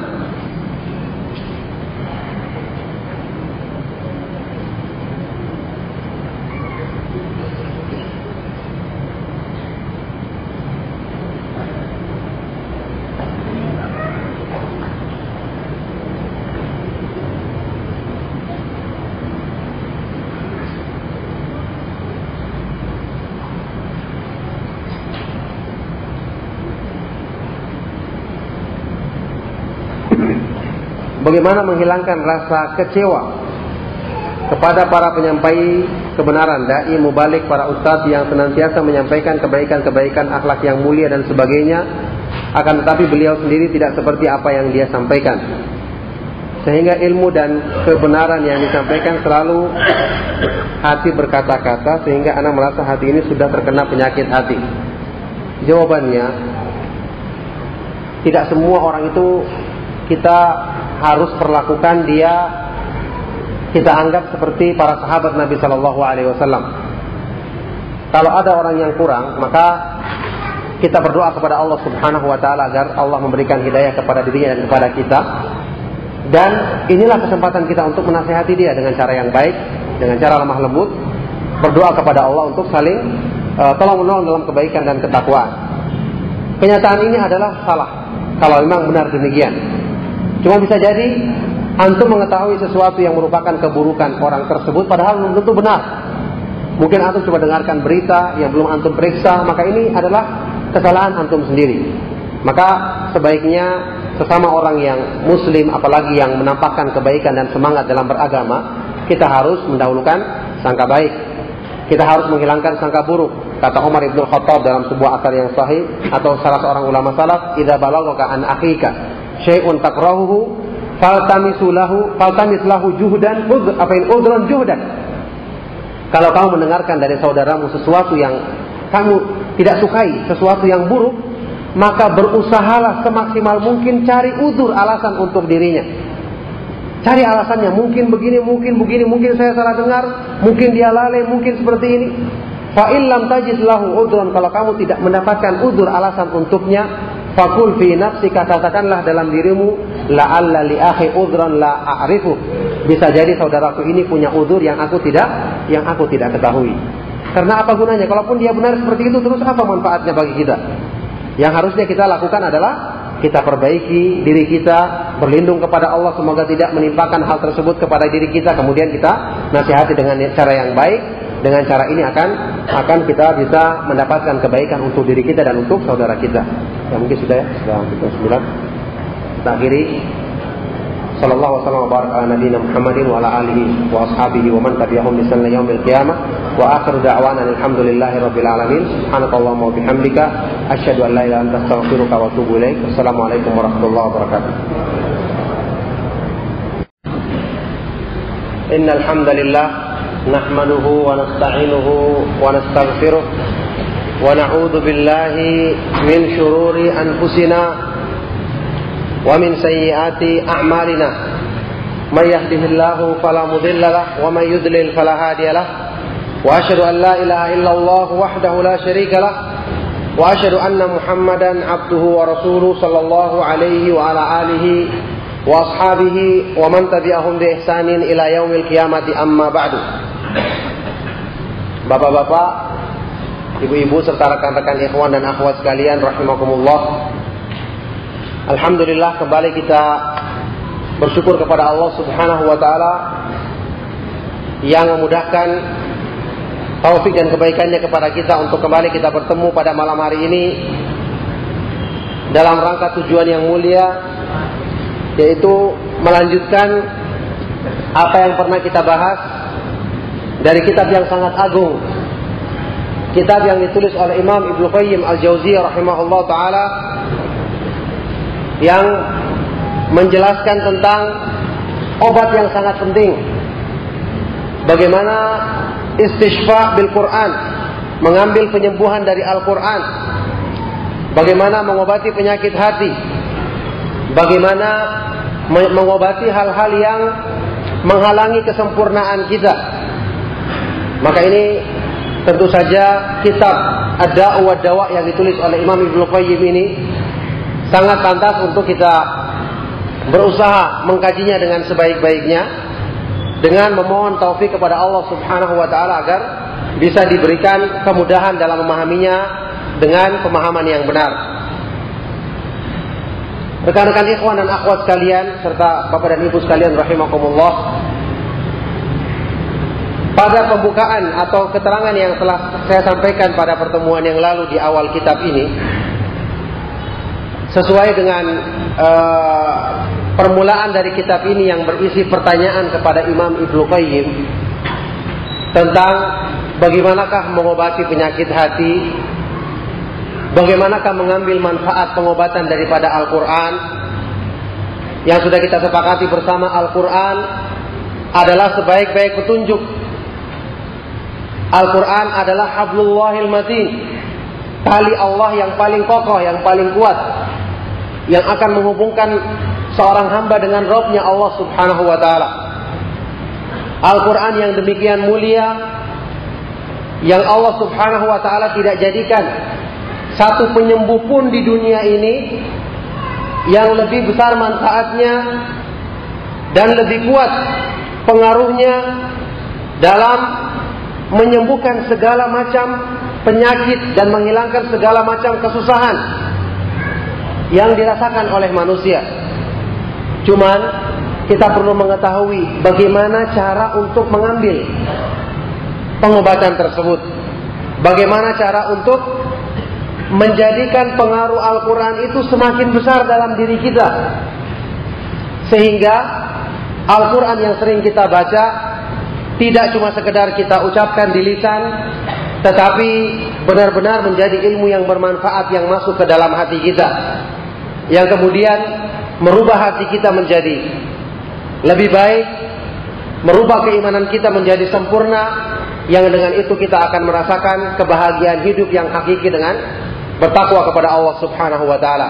Allah mensifati Al-Qur'an dan memuji orang-orang yang memahaminya dengan baik dalam firman-Nya, bal huwa ayatun bayyinatun fi suduril ladina utul ilma Akan tetapi Al-Quran itu adalah ayat-ayat yang jelas, ayat-ayat yang nyata yang terdapat di dalam dadanya orang-orang yang berilmu.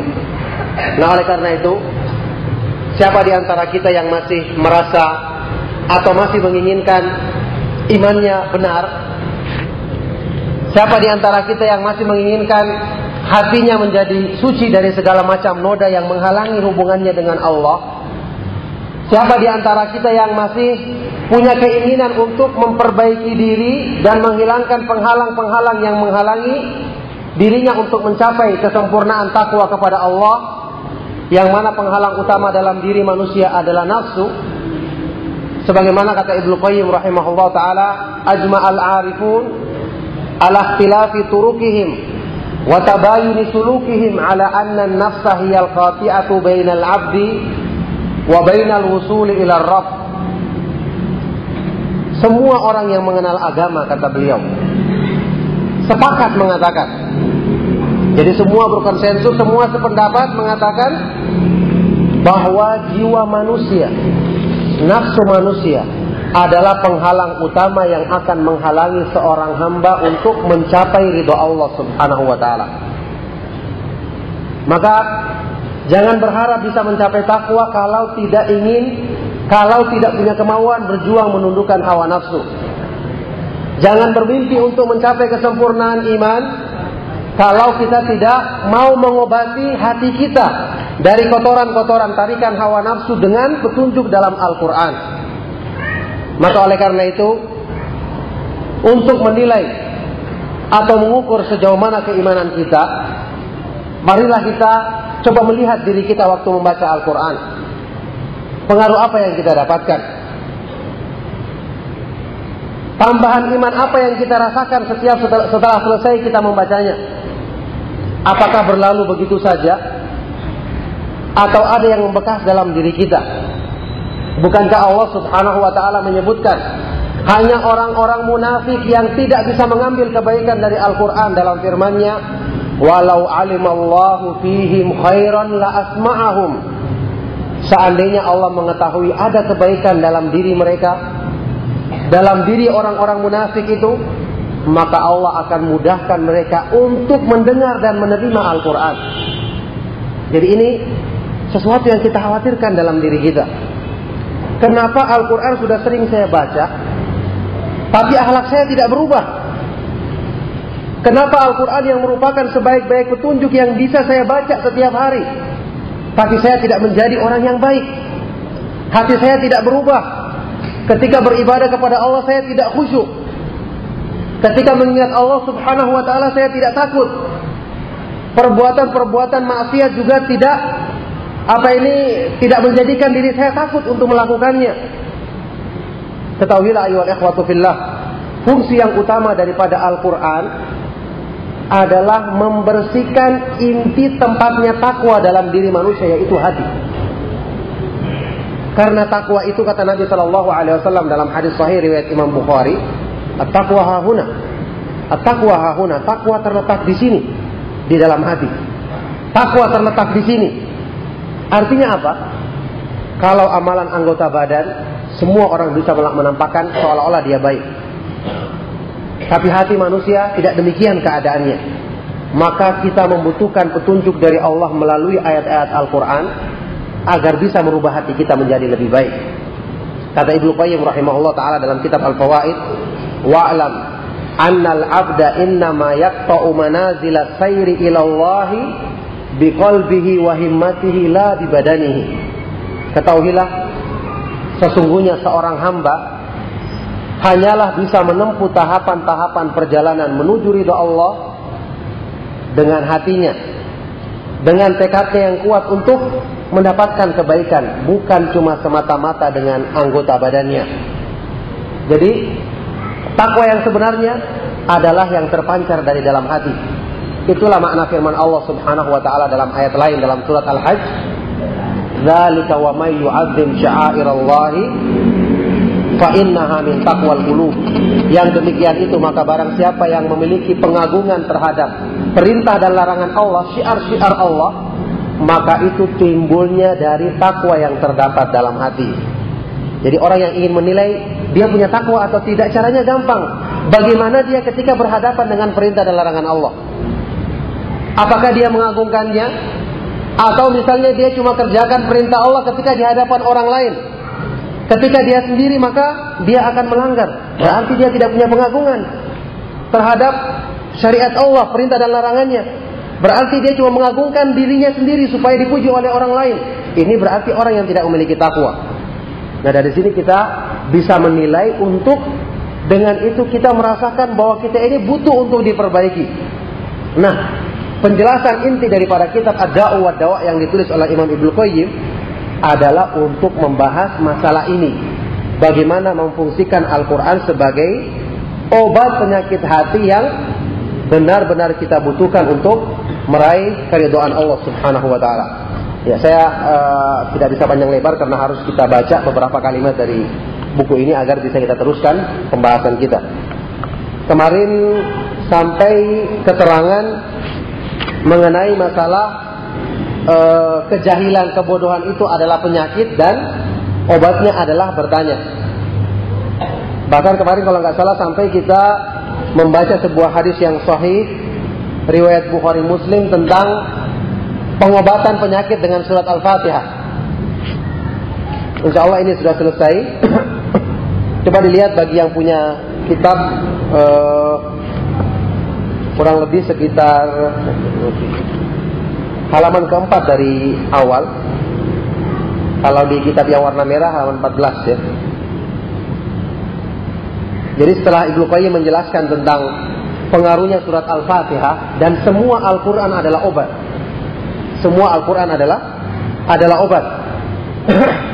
uh, setelah beliau menjelaskan hadis yang di situ sahabat yang mengobati seseorang yang disengat binatang berbisa dengan surat Al-Fatihah yang ini menunjukkan kepada kita agungnya penyembuh dan pengobatan dari Allah Subhanahu wa taala. Sampai Ibnu Qayyim menjelaskan pengalaman pribadi beliau pernah tinggal di Mekah dalam waktu yang lama ketika beliau merasakan berbagai macam penyakit yang tidak mendapatkan seorang tabib yang mengobati maka beliau mengobati dengan membaca surat Al-Fatihah maka beliau melihat satu penyembuhan yang sangat mengagumkan dari petunjuk Allah Subhanahu wa taala ini. Bahkan beliau kemudian mengajarkan kepada orang lain yang juga dipraktekannya maka memberikan kesembuhan yang luar biasa. Saya pernah mendengar salah seorang ulama di di Madinah pernah bercerita bahwa satu saat ada seorang wanita muslimah dari luar Arab Saudi dia datang dengan penuh keyakinan akan apa ini e, pertolongan dari Allah Subhanahu wa taala karena dia membawa penyakit penyakit yang sangat parah dalam dirinya kalau nggak salah tumor ganas atau apa begitu ya Ketika dia sudah berkeliling ke sana kemari, tidak ada seorang dokter pun yang sanggup mengobati penyakitnya. Maka dia kemudian uh, ingat dengan keimanannya bahwa Allah Subhanahu wa taala Maha mampu melakukan segala sesuatu. Akhirnya dia mengatakan kepada suaminya bahwa dia ingin apa ini mendekatkan kepada diri kepada Allah secara khusus di kota Mekah. Dia ingin datang ke sana yang namanya dia juga orang yang berada, suaminya sudah menyewakan hotel yang baik, tapi kemudian dia memilih tinggal di masjid. Jadi cuma suaminya yang tinggal di hotel, dia tinggalnya di masjid. Kurang lebih sekitar sepekan dia tinggal di Mekah, dia tidur di situ, dan dia banyak mengkonsum meminum air zam-zam dalam kesehariannya. Sambil dia terus setiap hari mengambil air zam-zam, dia berdoa kepada Allah, karena kita tahu air zam-zam itu keutamaannya kata Nabi Shallallahu Alaihi Wasallam Ma'u zam-zam lima syuri balahu hadis sahih. Air zam-zam itu adalah sesuai dengan untuk apa dia diminum. Akhirnya setiap hari diambil air zam-zam diusapkan ke tempat penyakitnya. Setiap dia setiap saat dia berusaha lakukan itu, maka setelah seminggu kemudian dia sembuh tanpa ada bekas sedikit pun dengan izin Allah Subhanahu wa taala. Nah, ini contoh dari orang-orang yang diberi taufik untuk mendapatkan penyembuhan dari petunjuk Allah. Cuman ada syarat yang harus kita penuhi. Sebagaimana obat, obat di dunia, kalau kita ingin mengambil manfaat darinya kita kan harus tahu resepnya, tahu dosisnya. Kemudian tahu kecocokan obat mana yang pas untuk diri kita kan begitu. Bisa jadi untuk orang lain sembuh belum tentu sembuh untuk kita, maka perlu kita bertanya kepada ahli yang meresep, meresepkan atau membuat obat tersebut agar bisa memberi manfaat yang maksimal. Nah, Ibnu Qayyim terangkan di sini. Beliau mengatakan, "Walakin hahuna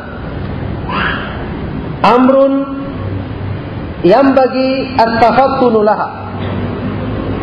Tapi di sini kata beliau, dalam pembahasan ini ada satu masalah yang mesti dipahami dengan baik. Jadi dalam upaya mengobati penyakit dengan Al-Quran ini ada perkara yang penting yang kadang dilalaikan oleh manusia. Yaitu apa kata beliau? Wa huwa annal azkar wal ayati wal adiyata allati yustashfa biha wa yurqa biha hiya fi nafsiha nafi'atun syafiyatun walakin tastad'i qabul al mahal wa quwwata himmatil fa'il wa ta'thirihi. Ada hal yang perlu dipahami. Ada hal yang perlu diperhatikan dalam masalah ini yaitu apa? Zikir-zikir yang disyariatkan dalam agama yang bersumber dari Al-Quran dan hadis-hadis yang sahih dari Nabi Shallallahu Alaihi Wasallam. Ayat-ayat Al-Quran dan doa-doa dari Al-Quran dan Sunnah Nabi Shallallahu Alaihi Wasallam yang demikian besar manfaatnya. Doa-doa tersebut pernah diucapkan oleh Nabi Shallallahu Alaihi Wasallam yang berarti ini merupakan doa pilihan. Karena Nabi Shallallahu Alaihi Wasallam mayantiku anil hawa, in huwa illa wahyun yuha. Tidak berbicara dari hawa nafsunya, wahyu dari Allah yang beliau ucapkan. Berarti ini adalah pilihan dari Allah. Nah kenapa kita banyak mengucapkan doa tersebut tapi tidak memberi manfaat? Ada masalah apa? Nah beliau jelaskan zikir-zikir tersebut, ayat-ayat Al-Quran dan doa-doa yang kita gunakan untuk yustashfa biha, meminta penyembuhan dengannya dan digunakan untuk merukyah yang membacakan kepada orang yang sakit seperti yang kita ketahui bahwasanya ini termasuk uh, yang disyariatkan dalam agama untuk mengobati bagi manusia penyakit lahir maupun batin. Penyakit lahir maupun batin. Cuma kebanyakan manusia saat ini hanya membatasi Al-Quran sebagai obat untuk orang keserupan saja. Sampai dibuat perkara yang berlebih-lebihan dalam masalah ini. Ini tidak benar. Alhamdulillah. Alhamdulillah Rabbil Alamin. Wassalatu wassalamu ala nabiyina Muhammadin wa ala alihi wa ashabihi wa man tabi'ahum bi ihsanin ila yaumiddin. Amma ba'du. Rekan-rekan ikhwan dan akhwat sekalian rahimakumullah. Alhamdulillah kita teruskan kembali kajian kita Membaca kitab yang sangat bermanfaat ini. Ad-da'u wa dawa penyakit dan obatnya. Jadi eh, pembahasan yang lalu sudah saya jelaskan bahwa di sini Ibnu mengingatkan bahwa pengaruh dari Al-Quran, zikir-zikir yang disyariatkan dalam Al-Quran dan Sunnah serta doa-doa yang bermanfaat dari petunjuk Allah dan Rasulnya Shallallahu Alaihi Wasallam agar bisa diterima dengan baik. Itu tastad'i qabulal mahal yakni mengharuskan adanya media yang bisa menerima pengaruh itu. Mengharuskan adanya uh, apa ini seseorang menyiapkan dalam dirinya tempat untuk bisa yang siap menerima pengaruh tersebut di samping kekuatan himmah ya dia harus memiliki kekuatan apa ini tekad kekuatan keinginan, kemauan yang kuat, serta ta'zir ya pengaruh yang pengaruh yang besar dalam dirinya.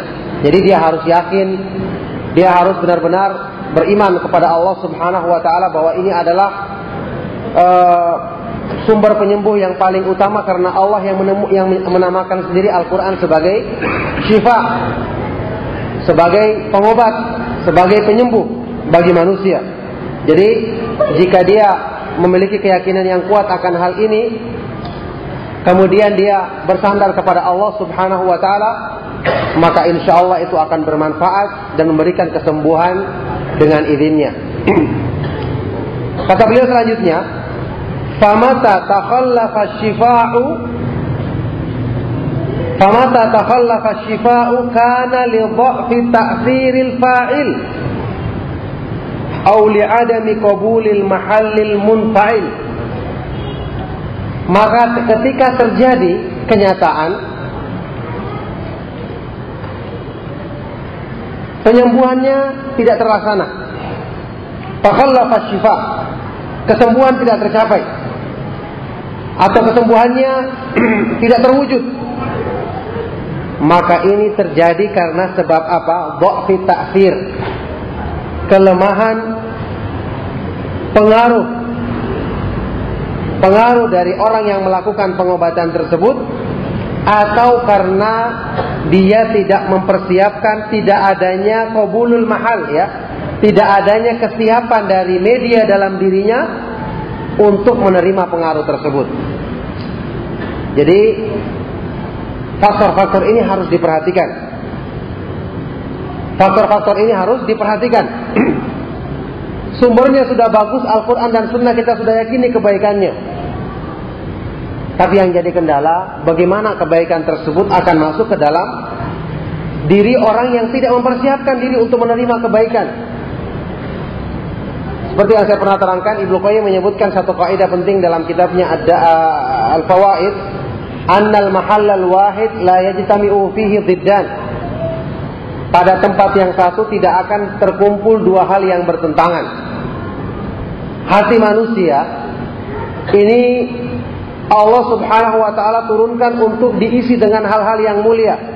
Maka kalau hatinya sudah dipenuhi dengan kotoran, otomatis ketika ingin diisi dengan manfaat daripada Al-Qur'an, ya harus rebutan tempat dulu.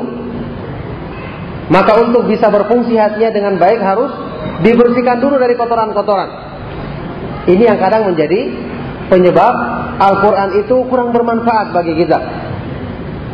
Allah berfirman tentang Al-Quran dalam firman-Nya, Inna fi dzalika ladzikra liman kana lahu qalbun aw sam'a wa huwa syahid.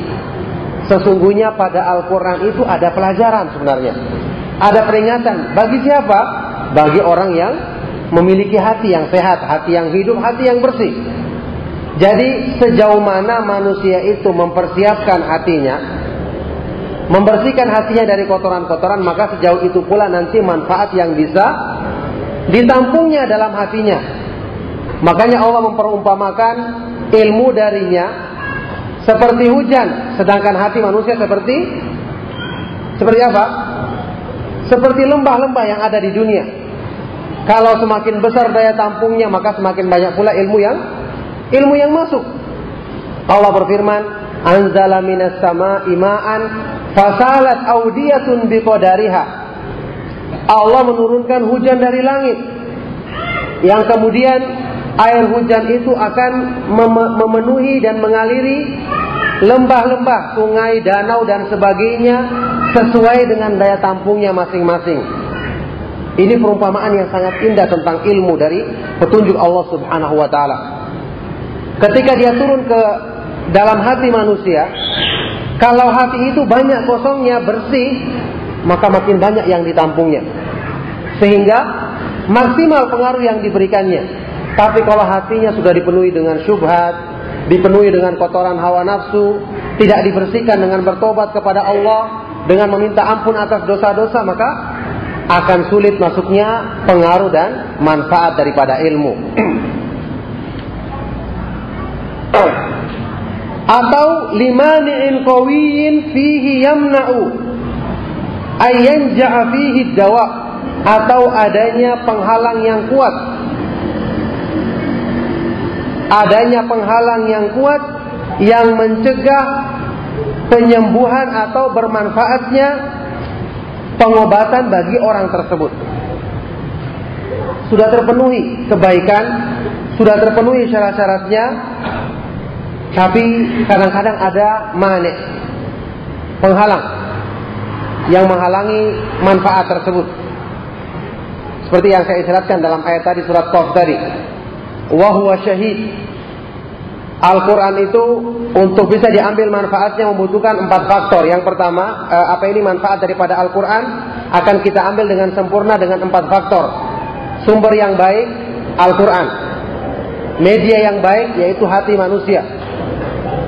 Kemudian ada penghubung di antara keduanya.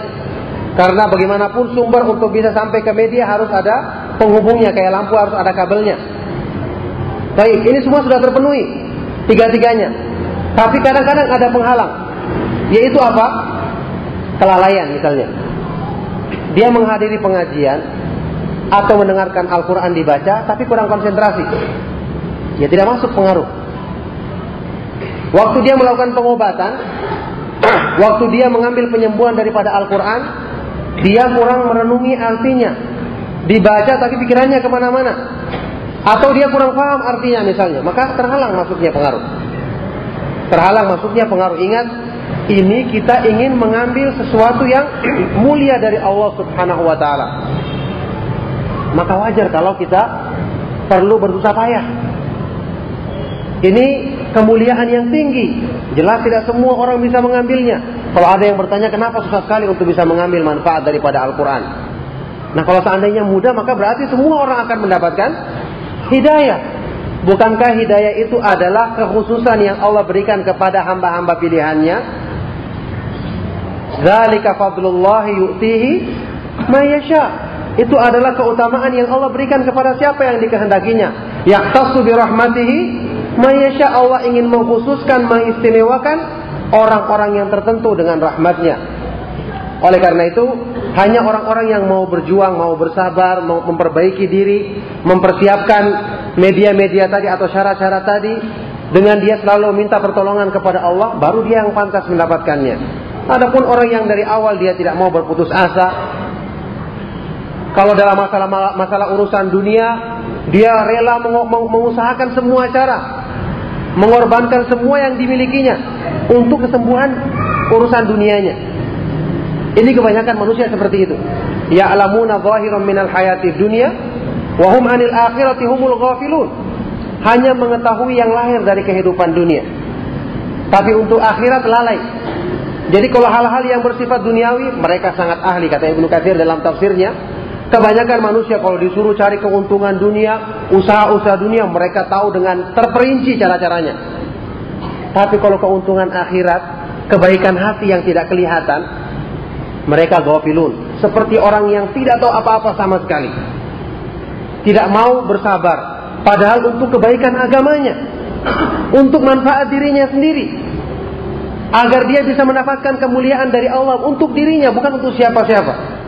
Tapi dia tidak mau bersabar. Jelas ini tidak akan mungkin. Apa ini uh, semua manusia akan mendapatkannya, maka hanya orang-orang yang mempersiapkan diri, yang bersabar, yang bisa meraih hal tersebut. Oleh karena itu seorang penyair mengatakan wa kullil murajji ma'aliyal umuri bi ghairi ijtihadin rajautal muhala. Katakanlah kepada orang-orang yang ingin mendapatkan perkara-perkara yang mulia tanpa kesungguhan berarti kamu mengharapkan sesuatu yang mustahil untuk didapatkan. Penyair lain mengatakan laulal masyaqqatu sadan nasu kulluhum aljudu mufkirun wal ikdamu qattalu. Seandainya bukan karena sulit, kesulitan, keberatan, perjuangan, maka semua orang akan menjadi mulia. Karena sifat dermawan itu beresiko akan membuat orang takut miskin, sedangkan ikdam, sikap pemberani itu akan beresiko akan membinasakan membinasakan seseorang. Jadi kemuliaan apa kesungguhan dari manusia itulah syarat untuk mendapatkan kemuliaan. Maka kita bersabar untuk kemuliaan diri kita sendiri, kemuliaan yang kekal abadi selama-lamanya kita harusnya siap berkorban supaya Allah Subhanahu wa taala mengetahui kesungguhan kita yang sesuai dengan kadar kesungguhan itu pula nantinya Allah akan memberikan hidayah dan taufiknya kepada kepada kita. Kama yakunu dzalika kata beliau, kama yakunu dzalika fil adwiyati wal adwa'il hissiyah. sebagaimana ini keadaannya. Keadaan ini terjadi pada penyakit-penyakit apa pengobatan-pengobatan dan penyakit-penyakit yang nampak. Saya selalu sering terangkan bahwasanya Allah Subhanahu wa taala dengan hikmahnya yang maha agung dalam Al-Qur'an selalu dia memperumpamakan hal-hal yang nampak untuk memerintahkan atau menganjurkan manusia memperhatikan hal-hal yang tidak nampak agar memudahkan mereka memahaminya. Contohnya Allah berfirman, "Ya bani Adam qad anzalna 'alaikum libasan yuwari sawatikum warisha wa libasut taqwa khair." Wahai manusia, kami telah sungguh kami telah turunkan kepada kalian pakaian untuk menutupi auratmu Bahkan risha itu pakaian yang indah untuk perhiasan. Karena manusia suka memperbaiki penampilannya. Suka memakai pakaian yang indah agar terlihat baik di mata manusia. Setelah itu Allah mengingatkan, jangan lupa walibasu taqwa zalika khair. Pakaian takwa itu itu yang lebih baik. Artinya apa? Kalau kalian perhatian untuk menutup anggota badan dengan pakaian yang menutup, menutupi aurat dan indah, maka jangan lupa ada yang lebih penting dan lebih utama untuk ditutupi dengan pakaian yang indah yaitu hati. Pakaiannya adalah apa? Libasut taqwa yaitu pakaian takwa. Inilah pendekatan faham yang Allah Subhanahu wa taala ingin berikan kepada kita untuk memudahkan kita memahaminya. Maka demikian pula keadaannya seperti pengobatan penyakit anggota badan. Berapa banyak orang yang sudah berobat dengan pengobatan yang demikian mahal, dengan penelitian yang demikian akurat. Kemudian ternyata pengobatan tersebut tidak memberikan hasil yang maksimal. Obatnya baik, terbukti banyak yang sudah sembuh. Kenapa untuk orang ini bermasalah? Ternyata kembali kepada faktor-faktor tersebut. Jadi ini bukan sesuatu yang perlu diherankan. Yang bermasalah bukan obatnya, bukan Al-Qur'annya tapi yang bermasalah adalah orangnya. Yang bermasalah adalah adalah orangnya. Oleh karena itulah karena Al-Qur'anul Karim bisa memberikan manfaat kepada orang-orang sebelum kita, maka tidak ada alasan bagi kita untuk mengatakan hidayah belum sampai kepada saya, petunjuk Allah belum saya terima dengan baik, tidak ada alasan. Orang-orang sebelum kita telah mendapatkan manfaat tersebut, maka kenapa kita tidak mengusahakannya untuk diri kita? Jadi tidak ada alasan setelah jelasnya petunjuk Allah Subhanahu wa taala kepada kepada manusia. Fa inna adama ta'thiriha Jadi keadaan-keadaan dari obat-obat yang nampak fa inna adama adama ta'thiriha qad yakunu li adami qabuli tabi'ati lidzalika dawa. Untuk pengobatan-pengobatan badan itu terkadang apa ini ketidak apa ini tidak tidak ada pengaruhnya, ketidaksembuhannya, tidak berpengaruhnya dia itu terkadang karena tobiah manusia, tabiatnya badan manusia tidak bisa menerima obat tersebut. Tidak cocok dia. Tidak pas untuk pengobatan dengan obat tersebut.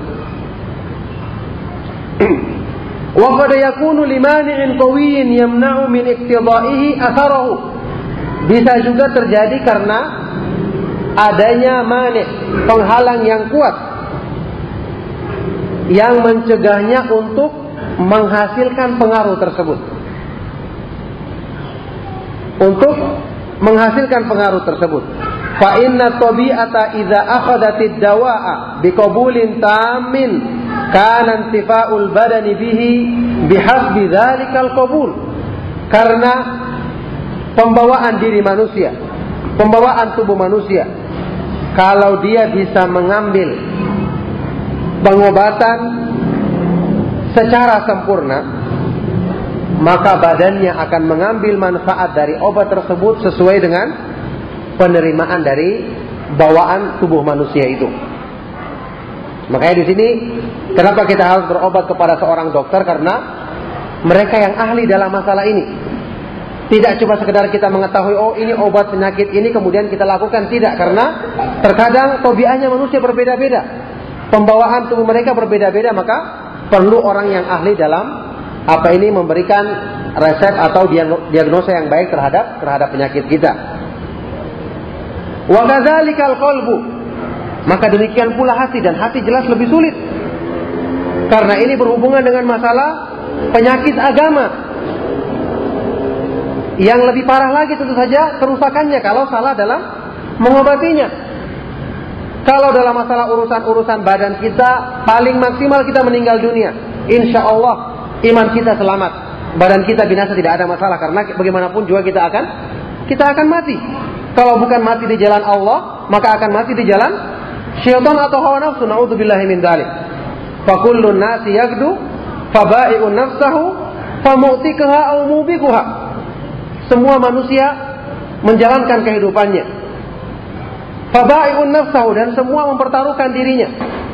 Maka ada yang menjualnya dengan Allah, maka dialah yang akan menyelamatkan dirinya. Mu'tikuha atau ada yang menjualnya dengan syaitan dan hawa nafsu, maka dialah yang akan membinasakan dirinya. Semua kan ujung-ujungnya adalah kematian. Jadi kalau anggota badan kita yang binasa, paling-paling ujungnya meninggal dunia. Tapi kalau hati yang salah obat bagaimana? Kalau hati yang tidak bisa mengambil manfaat dari pengobatan yang agung, maka apa yang bisa mengobati kita? Wa man lam yakun lahu fi kitabillahi ibrah, falaisat lahu fi hadhil asya ibrah kata Abu Zur'ah. Barang siapa yang tidak bisa mengambil pelajaran, mengambil kesembuhan dari Al-Quran, maka kesembuhan apa yang bisa menyembuhkan hatinya? Kalau sudah firman Allah yang merupakan pengobatan yang paling utama tidak bisa bermanfaat bagi dia, maka apa yang akan memberi manfaat kepada orang seperti ini? Min dzalik. Nah, oleh karena itu, sekali lagi karena ini pengobatan yang berhubungan dengan sumber kebaikan dan modal utama yang kita miliki, maka tentunya kita harus berikan perhatian perhatian yang lebih besar. Saya sudah sering ulangi Rasulullah SAW berlindung kepada Allah Subhanahu Wa Taala dalam kerusakan agama dalam sabda beliau, "Wala taj'al musibatana fi dinina." Ya Allah, janganlah Engkau jadikan musibah malapetaka yang menimpa kami dalam dalam agama. Karena malapetaka dalam agama pertanda kebinasaan yang kekal selama-lamanya. Kalau musibah dalam masalah dunia saya katakan tadi paling-paling binasa, binasa badan kita. Wa kadzalikal qalbu, maka demikian pula hati keadaannya. Idza akhadha ar-ruqa wa ta'awidh bi qabulin tammin wa kana lirraqi nafsun fa'alatun wa himmatun mu'athiratun asara fi izalati da'i. Demikian pula keadaan hati manusia.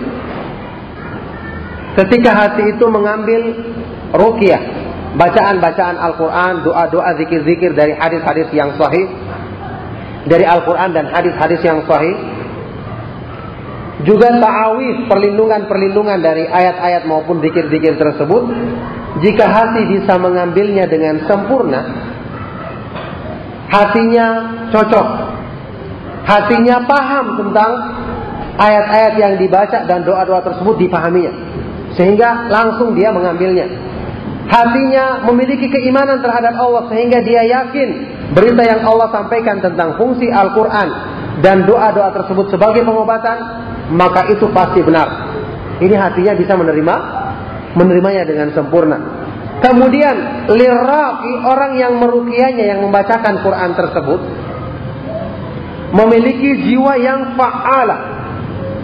Jiwa yang pengaruhnya kuat memiliki jiwa yang bisa memberikan pengaruh yang besar ditambah dengan himmah himmatun mu'athirah dengan keyakinan yang benar-benar kuat pengaruhnya ditambah dengan tekad atau cita-cita yang tinggi maka ini akan memberikan pengaruh untuk menghilangkan penyakit tersebut dengan izin Allah. Dengan izin dari Allah Subhanahu wa taala. Maka permasalahannya adalah kalau kita mengambil pengobatan tersebut dalam kondisi kita setengah-setengah percayanya. Dalam kondisi kita kurang yakin dengan janji Allah tentang kesembuhan penyakit tersebut. Maka bagaimana akan sembuh? Bagaimana akan sembuh sedangkan hatinya tidak bisa menerima atau masih ragu-ragu menerimanya? Sedangkan orang yang sudah menerima saja kalau ada penghalang dalam hatinya belum tentu bisa masuk, apalagi yang orang orang yang seperti ini, seperti ini keadaannya. Oleh karena itu, ini pembahasan yang penting sekali. Bahwa dengan ini kita akan menyadari selama ini kita itu lalai dari mempersiapkan diri padahal sumber kebaikan ada di dekat kita sumber penyembuhan jiwa ada di di samping kita kita baca tapi kita kurang manfaatkan dengan sebaik-baiknya karena banyaknya kekurangan-kekurangan dalam diri kita. Wa kadzalika du'a'u. Kata beliau selanjutnya, wa kadzalika du'a'u. Fa innahu min aqwal asbabi fi daf'il makruhi fi daf'il makruhi wa wa husulil matlub. Demikian pula keadaannya doa. Subhanallah, doa ini amalan amalan yang mulia tapi kebanyakan kita laksanakan cuma sekedar rutinitas. Padahal doa itu adalah kata beliau termasuk sebab yang paling kuat untuk menolak keburukan dan mencapai apa yang kita inginkan. Subhanallah doa sebab yang kuat untuk menghilangkan segala yang kita tidak sukai dari perkara di, uh, dunia apalagi perkara agama dan menghasilkan apa yang kita inginkan. Sudah sering kita baca, ya Allah berikanlah hidayah kepadaku, berikanlah kepadaku kebaikan di dunia dan di akhirat. Ya Allah mudahkanlah aku untuk mendapatkan ketakwaan, mencapai ketakwaan kepadamu. Tapi sampai saat ini apa yang kita ucapkan dalam doa itu mungkin belum terwujud secara nyata dalam diri kita. Kendalanya apa? Apakah doanya yang salah? Jawabannya bukan doanya yang salah. Lafaznya pun insya Allah tidak salah. Tapi sebab untuk menyempurnakan pengaruh doa tersebut yang kurang dan tidak kita sempurnakan dalam diri kita. Kata beliau demikian pula doa. Doa itu seperti pengobatan. Bahkan dia termasuk sebesar-besarnya sebab saya sudah pernah terangkan waktu pengajian masalah takdir. Ucapannya Mutarrif Ibnu Abdullah Ibnu Syekhir yang mengatakan, Tazakartul khair. Aku pernah mengingat-ingat kebaikan. Pernah menghitung-hitung kebaikan. Ternyata faidal khair kafir. Kebaikan itu banyak. Ada ada puasa, ada sholat, ada bersedekah. Terlalu banyak. Bagaimana saya harus memiliki semua yang banyak ini? Maka aku ingat ternyata yang memiliki kebaikan ini satu yaitu Allah Subhanahu wa taala karena biadihil khair. Di tangannya lah segala segala kebaikan. Berarti kata beliau kuncinya apa? Kuncinya cuma satu yaitu meminta kepada yang memilikinya. Yaitu berarti kuncinya segala kebaikan adalah apa? Adalah doa kata beliau. Faizan jima'ul khairi ad-doa. Kalau begitu penghimpun segala kebaikan itu adalah adalah berdoa. Maka subhanallah doa ini demikian besar kedudukannya. Demikian tinggi kedudukannya dalam hubungannya untuk memudahkan kebaikan dalam diri manusia. Tapi kebaikan tadi, sebab kebaikan yang besar ini sekali lagi hanya akan sempurna pengaruhnya kalau terpenuhi syarat-syarat yang lain dalam dalam diri kita. Kita baca kata beliau, "Walakin qad yatakhallafu anhu atharuhu." Akan tetapi terkadang pengaruh dari doa itu tidak terwujud. Tidak terwujud. Ya takhallafu di sini jangan diartikan terlambat ya. Tapi tidak terwujud. Takhalluf itu artinya tidak ikut sama sekali, begitu. Imma li dha'fin fi nafsihi bi ayyakuna du'aan la yuhibbuhu Allah lima fihi minal udwan apa sebabnya tidak terwujud pengaruhnya doa ini perhatikan agar nanti kita bisa perbaiki doa kita. Memperbaiki memperbaiki doa-doa yang kita ucapkan. Sebabnya bisa jadi karena lemahnya doa itu sendiri. Misalnya biayakuna doaan misalnya bentuk doa itu adalah doa yang tidak dicintai oleh Allah karena ada kezoliman padanya, ada dosa padanya. Karena syaratnya doa yang akan bermanfaat itu adalah seperti kata Nabi Shallallahu Alaihi Wasallam, "Ma min muslimin yad'u bi da'watin laisa fiha ismun aw khati'atu rahimin." Tidaklah seorang muslim yang berdoa dengan satu doa yang tidak ada dosa padanya dan tidak meminta untuk diputuskan silaturahim. Jadi terkadang karena doanya sendiri yang kurang bagus. Jadi ini menunjukkan kepada kita bahwa termasuk di antara sebab yang kita usahakan dalam doa, pilih lafaz-lafaz yang jelas-jelas tidak bermasalah. Dan sebaik-baik lafaz doa yang kita ucapkan adalah yang bersumber dari Al-Quran dan Sunnah. Karena inilah yang dipilih oleh Allah Subhanahu Wa Taala yang diajarkannya kepada Nabi-Nya Shallallahu Alaihi Wasallam. Maka mesti inilah yang terbaik di antara semua dibandingkan dengan ucapan manusia yang lainnya. jadi terkadang karena hal tersebut jadi doanya sendiri lemah dari segi bentuknya atau lafadznya. Wa imma li qalbi wa adami ikbalihi ala Allah ala Allah wa jum'iyatihi alaihi waqta doa atau karena hatinya yang lemah. Doa itu bukan cuma ucapan di mulut. Tapi doa itu adalah pernyataan di mulut yang diiringi dengan keyakinan dalam hati. Karena kita sedang berhubungan kepada Allah Subhanahu wa taala. La yanalallaha luhumuha wala dima'uha walakin yanaluhu At-taqwa kata Allah dalam surat Al-Hajj. Waktu orang menyembelih sembelihan yang sampai kepada Allah itu bukan daging hewan sembelihannya dan juga bukan darahnya, tapi yang sampai kepada Allah adalah takwa yang ada dalam hati kita. Itu yang akan bermanfaat. Nah, waktu berdoa bukan cuma sekedar lafaznya saja yang diperindah, tapi hatinya lalai. Hatinya kurang yakin. Hatinya kurang beriman kepada janji Allah Subhanahu wa taala, tidak bermanfaat jadinya. Kata beliau, atau karena kelemahan hati dan hati itu adamul iqbal, tidak menghadapkan diri kepada Allah wa jum'iyatihi tidak menghimpun dirinya, menyatukan dirinya kepada Allah waktu berdoa. Inilah akibatnya kalau doa itu jadi rutinitas seperti itu.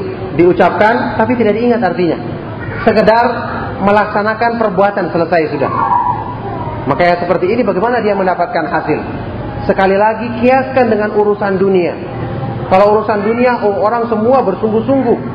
Kalau berdagang dia pilih yang baik, jenis yang paling baik meskipun mahal, dia perhitungkan keuntungannya, dikalkulasi semuanya dengan perincian. Tapi untuk masalah akhirat sekedarnya. Pas-pasan, setelah itu mengharapkan masuk surga yang paling tinggi lagi. Ini jelas apa ini adalah orang yang yang tidak tahu diri namanya naudzubillah min. Jadi tidak menghimpunkan dirinya ke waktu berdoa. Perumpamaannya kata apa kata beliau? Fayakunu bimanzilatil qausi arrohwi jiddan. Doa seperti ini seperti apa kedudukannya? Seperti busur panah yang yang sangat lemah talinya, yang kendor talinya. Bagaimana bisa diarahkan dengan baik? Sedangkan ditarik saja mungkin kelewatan, jadi tidak bisa tembus. Apalagi diharapkan untuk mengenai mengenai sasaran dengan tepat. Ini perumpamaannya. Jadi terkadang yang jadi masalah itu bukan kurangnya kita dalam mengucapkan doa atau seringnya mengucapkan bukan, tapi konsentrasi kita waktu berdoa. Maka oleh karena itu, seseorang memang harusnya memanfaatkan kesempatan untuk berdoa sebanyak-banyaknya. Mungkin waktu pertama dia kurang konsentrasi, waktu kedua belum, ketiga dia akan berkonsentrasi dengan penuh. Mungkin pada waktu itu dia menetapi atau menepati waktu yang Allah kabulkan doanya. Demikian pula manusia memilih waktu-waktu dia tenang misalnya nanti akan diterangkan sama beliau di sini beberapa adab-adab yang diperhatikan untuk berdoa. Nanti mungkin memilih doa yang terdapat di dalamnya Ismullahil A'zam. Nama Allah yang paling agung. Nanti juga akan disebutkan hadisnya di sini. Akan disebutkan hadisnya di sini. Insya Allah Allah sendiri punya makalah tentang masalah ini. Nama Allah yang paling agung. Yang kalau apa ini kata Nabi Shallallahu Alaihi Wasallam, "Ida du'iya bihi ajab, Wa idza su'ila a'ta. Kalau orang berdoa dengannya maka akan dikabulkan doanya kalau seorang meminta kepada Allah dengan namanya yang maha agung itu, yang paling agung itu, maka akan dipenuhi permintaannya. Jadi sebab-sebab ini yang harusnya kita perhatikan dan usahakan tunaikan dengan sempurna. Kata beliau selanjutnya, jadi kedudukannya seperti busur panah yang kendor, yang sangat lemah, yang sangat apa lunak. Fa inna sahma yakhruju minhu dhaifan yang menjadikan anak panah itu akan keluar dari busur yang seperti ini dalam keadaan lemah. Jangankan untuk bisa menembus sasaran, untuk bisa sekedar sampai saja sulit. Ini gambaran tentang doa yang tidak terpenuhi padanya syarat-syarat tersebut. Wa imma li usuli al-mani'i minal ijabati. Atau juga sudah terpenuhi semuanya kok belum terkabulkan. Bisa jadi terjadi karena apa? Adanya mani penghalang dari pengabulan doa. Penghalang terkabulnya doa ini juga masalah. Ini juga sering terjadi dan ini termasuk perkara berat untuk kita usahakan. Kata beliau apa? Min aklil haram wa zulmi wa raini dunubi alal qalbi. Yaitu makanan yang haram. Subhanallah. Makanan yang haram sudah mencelakakan orang mencelakakan dirinya doanya lagi yang diharapkan sebagai kebaikan untuk Allah merubah dirinya juga terhalang naudzubillahi min dzalik ini makanan yang haram oleh karena itu sifat wara sifat hati-hati selalu memeriksa apa yang masuk ke dalam diri kita yang membentuk daging kita ini sangat diperhatikan seharusnya karena ini akan mempengaruhi kebaikan-kebaikan bagi diri kita. Wa zulm kezoliman yang pernah kita lakukan ini perbuatan dosa kita. Kemudian raini dzunub dosa-dosa yang menutupi hati. Hitamnya dosa-dosa yang menyelimuti al-qulub hati manusia. Wastila'il ghaflati wasyahwati wallahwi wa ghalabatiha 'alaiha. Juga dominasi dari kelalaian syahwat wallahwi hal-hal yang tidak berguna dan uh, penguasaan dari semua itu terhadap terhadap hati manusia. Nah, oleh karena itu ini memang merupakan membutuhkan perjuangan. Membutuhkan perjuangan. Doa-doa kita akan diterima oleh Allah Subhanahu wa taala kalau syarat ini kita penuhi sedikit demi sedikit. Kita melatih diri kita untuk menjadi orang-orang yang mudah didengar doanya oleh Allah Subhanahu wa taala menjadi orang-orang yang pernah disebutkan oleh Nabi Shallallahu Alaihi Wasallam dalam hadis Sahih riwayat Muslim, rubba ash'atha akbara madfu'in bil abwabi lau aqsama 'ala Allah la abarrah. Bisa jadi ada orang yang secara penampilan tidak diperhitungkan sama sekali. Rambutnya acak-acakan, badannya berdebu. Kalau dia bertamu akan ditolak di pintu-pintu manusia tapi kalau dia aksama Allah, meminta dengan bersumpah kepada Allah, maka pasti Allah akan mengabulkannya. Pasti Allah akan akan memenuhi permintaannya. Ini hamba-hamba Allah yang tidak menjadikan penampilan lahir sebagai ukuran kebaikan, tapi yang diutamakannya adalah mempertimbangkan penampilannya di hadapan Allah Subhanahu wa taala sehingga dengan itu Allah Subhanahu wa taala memberikan perhatian yang pantas kepada hamba-hambanya seperti ini. Allah Subhanahu wa taala Maha Syakur, Maha berterima kasih kepada manusia. Sejauh mana kita bersikap kepadanya, maka demikian pula dia memperlakukan kita. Kalau kita selalu membaikkan diri kita di hadapannya, maka Allah Subhanahu wa taala lebih memberikan lagi banyak kebaikannya untuk untuk kita semua. Nah, oleh karena itu ini merupakan sebab yang mengajarkan kepada kita tentang uh, agungnya usaha kita untuk memperbaiki diri, memperbaiki kelalaian-kelalaian hati tadi karena ternyata ini merupakan sebab bermanfaatnya doa kita bermanfaatnya bacaan-bacaan Al-Quran yang kita baca, zikir-zikir dari Nabi Shallallahu Alaihi Wasallam, sehingga dengan itu akan sempurnalah kita mendapatkan petunjuk dari Allah Subhanahu Wa Taala untuk merubah diri kita menjadi lebih lebih baik lagi. Kama fi mustadrakil hakim min hadithi Abi Hurairah radhiyallahu anhu anil Nabi sallallahu alaihi wasallam qala Ud'u Allah wa antum muqinuna bil ijabah wa'lamu anna Allah la yakbalu du'aan min qalbin ghafilin lahin.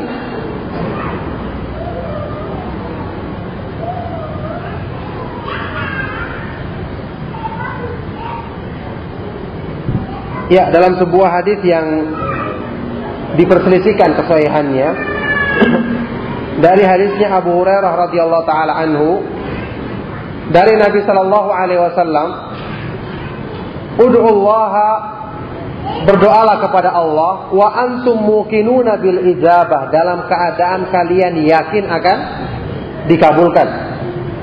Jadi yakin mulutnya berdoa lidahnya mengucapkan lafaz doa yang benar disertai keyakinan dalam hati. Ini namanya orang yang benar-benar memfungsikan semua anggota badannya menghadapkan dirinya kepada Allah Subhanahu wa taala. Wa'lamu dan ketahuilah bahwasanya Allah Subhanahu wa taala tidak akan menerima doa dari hati yang lalai dan lahin dan tidak konsentrasi, tidak memperhatikan. Ini bermain-main. Allah Subhanahu wa taala tidak akan mengabulkan doa yang demikian. Oleh karena itu karena doa ini agung, doa ini tinggi kedudukannya sampai-sampai dalam hadis yang sahih Rasulullah SAW bersabda, "Man lam yas'alillaha yaghdab alaihi." Barang siapa yang tidak mau meminta kepada Allah, maka Allah akan murka kepadanya. Jadi doa ini ibadah yang agung, yang sangat dicintai oleh Allah. Bahkan antum ketahui bisa antum perhatikan bahwa doa termasuk di antara ibadah-ibadah besar yang padanya terwujud semua bentuk penghambaan diri. Penghambaan diri kepada Allah Subhanahu wa taala. Kita tahu semua ibadah itu dikatakan ibadah secara bahasa berasal dari kata-kata at-tadhallul, merendahkan diri. Orang Arab menyebutkan jalan yang sudah biasa dilalui oleh manusia itu dikatakan torikun mu'abbad jalan yang sudah yang sudah biasa diibadai artinya sudah sering dilewati diinjak-injak dihinakan. Jadi kata-kata abida ya'budu itu secara bahasa berarti sesuatu yang tunduk dan merendahkan diri.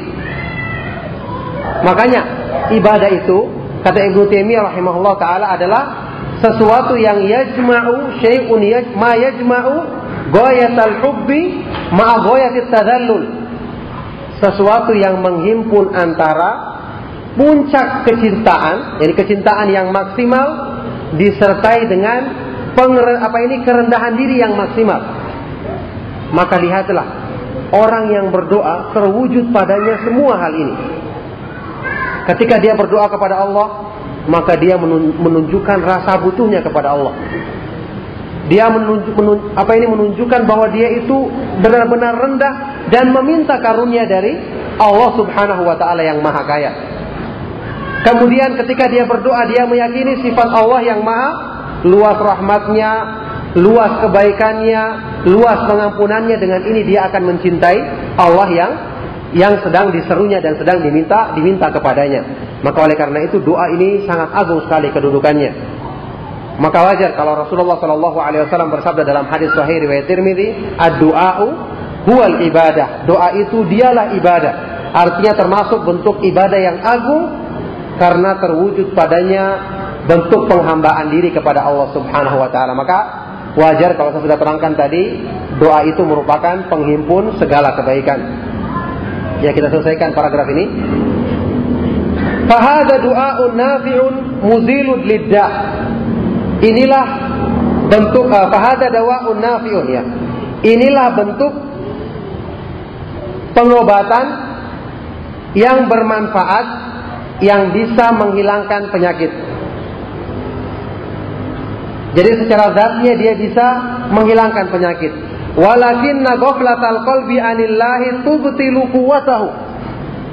Akan tetapi karena adanya kelalaian hati dari mengingat Allah, ini inilah yang akan membatalkan, yang akan merusak kekuatan obat tersebut. Jadi apa ini kekuatannya, pengaruh baiknya dirusak oleh kelalaian-kelalaian hati manusia. Wa kadzalika aklul harami tubtilu quwwatahu wa tud'ifuha. Demikian pula memakan makanan yang haram bisa merusak kekuatan pengaruh dari apa ini dari penyam apa dari uh, obat doa ini atau minimal yud'ifuha melemahkannya kama fi sahihi muslim min hadithi abi hurairah. Seperti disebutkan dalam hadis sahih riwayat Imam Muslim. Dari Abu Hurairah radhiyallahu taala anhu.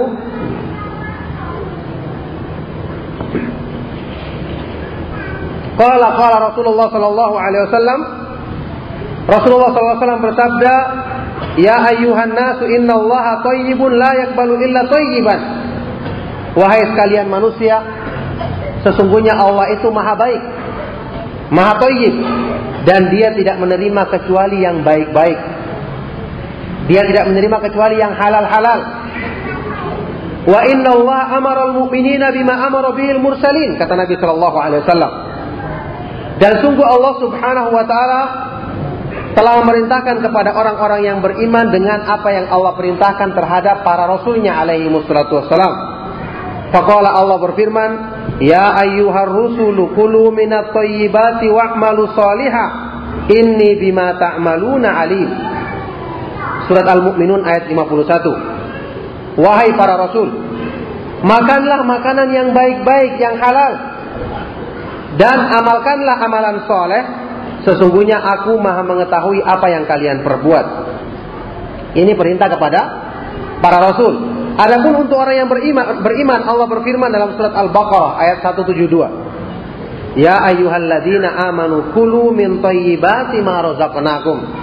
Wahai orang-orang yang beriman, makanlah dari harta-harta yang halal yang kami anugerahkan, yang kami limpahkan kepada kepada kalian. Ini perintah kepada Rasul seperti yang Allah perintahkan kepada kaum mukminin. Zakara kemudian Nabi Shallallahu Alaihi Wasallam Zakar rajula yutilu safar ash'atha akbar yamuddu yadayhi ila sama. Kemudian Nabi Shallallahu alaihi wasallam menyebutkan perumpamaan orang yang terkumpul dalam dirinya semua sebab-sebab atau banyak sebab-sebab dikabulkannya doa. Orang yang melakukan perjalanan yang panjang. Ini merupakan sebab dikabulkannya doa. Karena berdoa di waktu safar itu sangat diharapkan eh, dikabulkannya. Kondisinya asy'asa akbar. Rambutnya acak-acakan, badannya gubar, diliputi debu. Yamudu yadaihi ila sama. Ini juga dalil yang menunjukkan mengangkat tangan itu termasuk sebab dikabulkannya doa. Doa waktu berdoa. Dan ini hadisnya mutawatir. Hadisnya banyak sekali diriwayatkan kata Imam Suyuti lebih daripada 30 sahabat ya. Dalam lafaz yang berbeda-beda. Dia mengangkat tangannya ke langit. Jadi sudah terkumpul sebab-sebab dikabulkannya doa. Dia bersafar, acak-acakan dia memohon kepada Allah mengangkat tangan lagi. Ya Rob, ya Rob. Ucapan doanya lagi yang baik. Wahai Rob, wahai Rob. Antum tahu kebanyakan Al-Quran dan hadis kalau menyebutkan doa itu dengan kata-kata Rob. Ini artinya apa? Meminta sifat rububiyah yang khusus dari Allah Subhanahu wa taala yang itu berarti taufik dan penjagaan dari segala keburukan dari Allah Subhanahu wa taala. Oleh karena itu wajar kalau doanya orang-orang soleh yang dinukil dalam Al-Quran dan hadis Nabi Shallallahu Alaihi Wasallam selalu berawal dengan Rabbana atau Robbi yang jelas dengan apa ini dengan nama Allah Subhanahu Wa Taala Ar-Rabb gitu ya. Jadi sudah terkumpul hal-hal ini tapi Wa mat'amuhu haram, makanannya haram. Wa mashrabuhu haram, minumannya haram. Wa malbasuhu haram, pakaiannya dari harta yang haram. Wa ghudhiya bil haram dan dia diberi makan dengan makanan yang haram. fa anna yustajabulah maka bagaimana orang seperti ini bisa dikabulkan dikabulkan doanya maka inilah oleh karena itu sekali lagi Allah Subhanahu wa taala memang menjadikan kemuliaan dalam agama ini hanya bagi orang-orang yang mau memahaminya, mengamalkannya, dan bersabar dalam melakukan semua itu. Memperbaiki diri memang tidak sehari belajar langsung besok menjadi baik. Banyak hal-hal yang perlu kita benahi, banyak hal-hal yang dengan kita semakin mengetahui kebaikan tersebut, kita semakin bergantung kepada Allah. Ternyata diri kita ini lemah, kekurangannya terlalu banyak, terlalu banyak sekali. Maka oleh karena itu kita menguatkan hubungan kita kepada zat yang maha mampu memperbaiki kita. Bagaimanapun sulitnya keadaan tersebut menurut penilaian kita, tapi Allah Subhanahu wa taala tidak ada sesuatu pun yang yang tidak mampu untuk dilakukannya, dia maha mampu untuk memperbaiki semua yang kurang dalam diri kita agar kita bisa sempurna mengambil manfaat dari doa-doa, bacaan-bacaan Al-Quran, dan zikir-zikir yang disyariatkan oleh Allah Subhanahu wa Ta'ala. Maka demikianlah kajian kita untuk kesempatan malam hari ini. Kita akan teruskan nanti pada pertemuan-pertemuan berikutnya.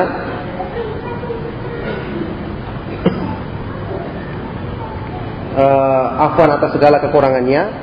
Sallallahu wasallam wa barak ala nabiyina Muhammadin wa ala alihi wa ashabihi wa man tabi'ahum bi ihsanin ila yaumil qiyamah wa akhiru da'wana alhamdulillahi rabbil alamin. Ada kesempatan untuk bertanya, maka saya persilakan bagi yang punya pertanyaan.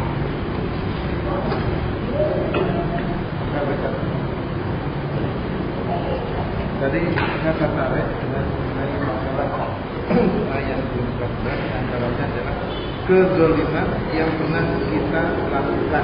Ya. Kan padahal yang sudah uh, taubatan akbar dan sebagainya. Nah, untuk mengetahui bahwa hal tersebut taubatan kita diterima oleh Allah Subhanahu wa taala berkenaan dengan kezoliman yang lakukan pada masa lalu. Iya, jelas maksudnya penghalang-penghalang di sini adalah kayak kedoliman, makanan yang haram adalah sesuatu yang manusia belum bertobat, bertobat darinya. Karena kalau sudah bertobat maka tidak ada lagi pengaruhnya, hilang. Kata Nabi Shallallahu Alaihi Wasallam dalam hadis Hasan riwayat Ibnu Majah, "Ata ibu minadzanbi kaman ladan balahu." Orang yang telah bertobat dari perbuatan dosanya adalah seperti orang yang tidak punya dosa sama sekali. Jadi ini artinya, jadi kalau kedoliman itu di masa lalu dan sudah kita bertobat, alhamdulillah. Maka itu tidak ada lagi pengaruhnya selama Allah telah menerima tobat kita. Kemudian pertanyaan bagaimana caranya kita mengetahui apakah tobat kita diterima dari kedoliman di masa lalu? Masalah penerimaan itu adalah dari Allah ya. Sebagaimana ibadah-ibadah tidak kita ketahui mana yang diterima atau sejauh mana diterima, cuma yang kita lakukan adalah memenuhi syarat-syarat yang ditentukan. Kita ketahui tobat itu syarat utamanya ada yang mengatakan tiga, ada yang menambahnya menjadi lima secara umum. Yang pertama ikhlas. Bertobat bukan takut celaan manusia atau pujian atau mengharapkan pujian mereka. Tapi ikhlas karena Allah semata-mata. Yang kedua, adanya an-nadam, penyesalan yang sungguh-sungguh untuk atas perbuatan dosa tersebut. Adanya yang ketiga al-azam, tekad yang kuat untuk tidak mengulanginya. Yang keempat al-ikhlas, mencabut diri, membersihkan diri dari dosa tersebut dan sebab-sebab yang bisa membawa kepadanya. Dan yang kelima, tobat yang dilakukan pada waktunya, yaitu untuk masing-masing manusia sebelum nyawanya sampai di kerongkongan. Karena dalam hadis riwayat Imam Ahmad Rasulullah SAW bersabda, Inna Allah Azza wa Jalla yakbalu taubatal abdi malam yugorgir. Sesungguhnya Allah Subhanahu wa taala menerima taubatnya seorang hamba sebelum nyawanya sampai di tenggorokan. Dan untuk seluruh manusia adalah sebelum matahari tempat ter, apa ini terbit dari tempat terbenamnya. Nabi Shallallahu alaihi wasallam bersabda, "La tanqati'ut taubatu hatta tatlu asyamsu min maghribiha." Tidak akan tertutup pintu tobat sampai matahari terbit dari tempat terbenamnya. Jika itu dosa itu berhubungan dengan hak manusia maka tambah satu syarat lagi yaitu kita harus mengembalikan hak tersebut atau meminta maaf darinya agar dia mengikhlaskannya. Nah kalau sudah kita lakukan hal ini, maka tinggal kita memohon kepada Allah Subhanahu wa taala agar Allah Subhanahu wa taala menerima taubat dan permintaan ampun kita dan semoga Allah Subhanahu wa taala menjadikan hilang bekas dosa tersebut begitu. Kapan waktu-waktu yang tepat mengangkat tangan waktu berdoa? Dalam hadis yang sahih Rasulullah SAW bersabda, Inna Rabbana hayyun karim, yastahi ayyamsutal abdu ilaihi yadaihi fayaruddahuma sifran. Rabb kita Allah Subhanahu wa taala Maha hayi, Maha pemalu dan Maha pemurah, Maha mulia. Dia malu kalau seorang hamba itu mengangkat tangannya kepadanya kemudian ditolak dengan hamba. Para ulama berusaha untuk mengkompromikan hadis-hadis yang menyebutkan tentang keutamaan berdoa dengan angkat tangan dengan hadis-hadis yang di situ Nabi Shallallahu Alaihi Wasallam berdoa tidak mengangkat tangan. Maka mereka mengatakan jika ada satu tempat berdoa yang di situ jelas-jelas disebutkan dalam hadis Nabi Shallallahu Alaihi Wasallam membacanya dan tidak mengangkat tangan, maka kita tidak mengangkat tangan. Contohnya misalnya dalam sholat dalam sholat. Nabi Shallallahu Alaihi Wasallam misalnya membaca doa waktu sujud, beliau tidak mengangkat tangan. Kemudian misalnya doa dulu di antara dua sujud juga zikir diucapkan atau ada juga doa Nabi tidak mengangkat tangan atau di tempat-tempat yang lain. Adapun kalau ada tempat-tempat yang Nabi Wasallam mengangkat tangan maka jelas kita harus ikuti seperti kunut witir misalnya dan yang lainnya. Sekarang yang jadi masalah ada tempat-tempat lain yang di situ dianjurkan berdoa tempat atau waktu tertentu yang terulang-ulang yang seandainya Nabi Shallallahu Alaihi Wasallam mengangkat tangan maka para sahabat mesti akan menukilnya kepada kita.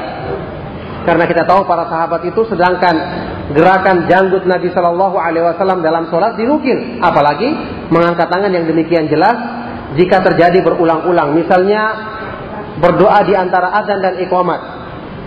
Ini terjadi berulang-ulang dan berhubungan dengan waktu. Maka ketika para sahabat tidak meriwayatkannya, beliau mengangkat tangan, maka ini menunjukkan bahwasanya beliau tidak melakukannya. Orang berdoa misalnya setelah selesai berwudu, tidak dinukil dari keterangan para sahabat bahwasanya Nabi Shallallahu Alaihi Wasallam berdoa mengangkat tangan. Padahal pasti beliau berdoa, tidak mungkin beliau menganjurkan ada doa setelah wudhu kemudian kita tidak uh, beliau tidak melakukannya. Maka karena tidak pernah dinukil dari para sahabat beliau mengangkat tangan maka kita tidak mengangkat tangan.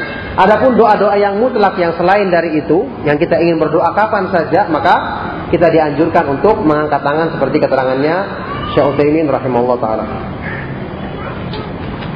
Jika seorang anak diberi makan oleh orang tuanya dari harta yang haram namun anak itu tidak mengetahuinya apakah doa tersebut juga terhalang atau tidak dikabulkan. Kalau memang dia tidak mengetahuinya, maka insya Allah ini tidak merupakan dosa baginya, karena itu adalah dosa orang tuanya dan dia menerima harta tersebut karena memang dia wajib untuk dinafkahi oleh orang tuanya, maka itu bukan tanggung tanggung jawabnya, insya Allah.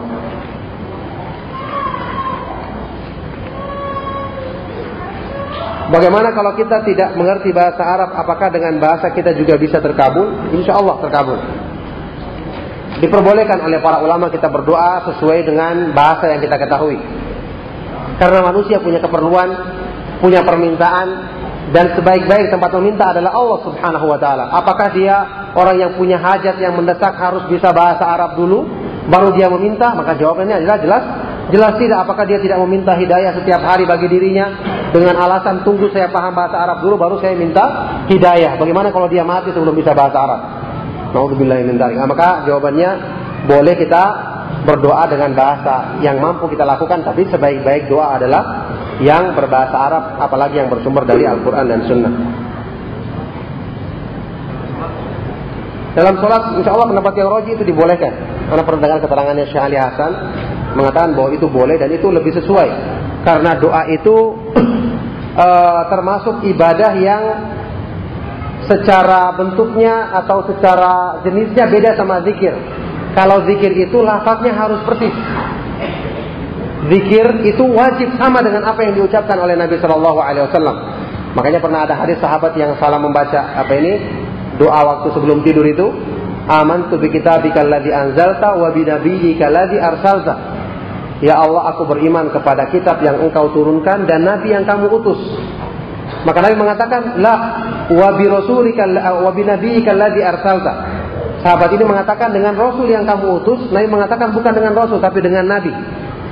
Padahal nabi dengan rasul kan artinya dekat. Tapi karena zikir tidak boleh dirubah lafaznya maka harus dengan apa adanya. Adapun doa tidak seperti itu. Ketika ada seorang Arab Badui, Arab eh, pedalaman, datang bertanya kepada Nabi Shallallahu Alaihi Wasallam, ketika dia mendengar doanya Nabi dan doanya sahabat Muad bin Jabal, dia tidak paham. Dia mengatakan, Ya Rasulullah, ini ma uksinu dan danataka wala dan danata Muad. Wahai Rasulullah, saya tidak bisa mengucapkan doa seperti doamu dan doanya Muad bin Jabal. Karena dia orang Arab Badui ya, pengetahuannya terbatas. Maka Nabi bertanya, kalau begitu apa doamu? Orang ini mengatakan yang aku lakukan ya saya minta sorga dan berlindung dari dari neraka. Maka Nabi SAW mengatakan, Haula dzalika. Sekitar itulah doa-doa kami. Kata para ulama ini menunjukkan bahwa doa itu tidak harus persis dengan doanya Nabi SAW.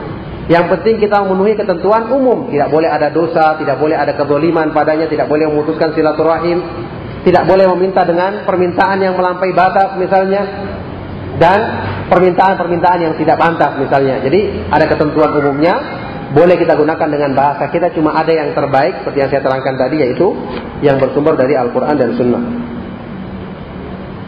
Apakah sihir dan santet itu bisa terjadi dan nyata pengaruhnya? Jawabannya iya. Sihir itu terjadi, nyata pengaruhnya, Al-Quran menyebutkannya dan hadis-hadis yang sahih dari Nabi SAW juga menyebutkannya. Dan ini adalah termasuk uh, ujian dari Allah Subhanahu wa taala bagi orang-orang yang beriman untuk mereka itu uh, wajib mengimani pengaruh nyata dari sihir dan santet yang kemudian mereka menyembuhkannya dengan petunjuk Allah Subhanahu wa taala. Apakah setan bisa merasuki manusia sehingga ada orang yang kerasukan setan? Bagaimana orang yang tidak percaya dengan kerasukan syaitan? Al-Quran menyebutkannya. Al-Quran menyebut, menyebutkannya tentang perumpamaannya orang-orang apa ini yakulur riba. Kama salilladzi yatakhabbatuhu asyaitanu minal mas. Dalam surat Al-Baqarah seperti perumpamaannya orang yang dimasuki oleh syaitan, orang yang kerasukan syaitan. Jadi Allah sendiri yang membuat perumpamaan demikian yang menunjukkan bahwa ini adalah perkara yang nyata dan para ulama ahlu sunnah menyebutkan bahwa ini adalah perkara yang nyata tentang merasuknya syaitan atau jin dalam tubuh manusia yang Allah Subhanahu wa taala telah memberikan cara pengobatan yang sebaik-baiknya dalam Al-Qur'an dan hadis-hadis Nabi Shallallahu alaihi wasallam.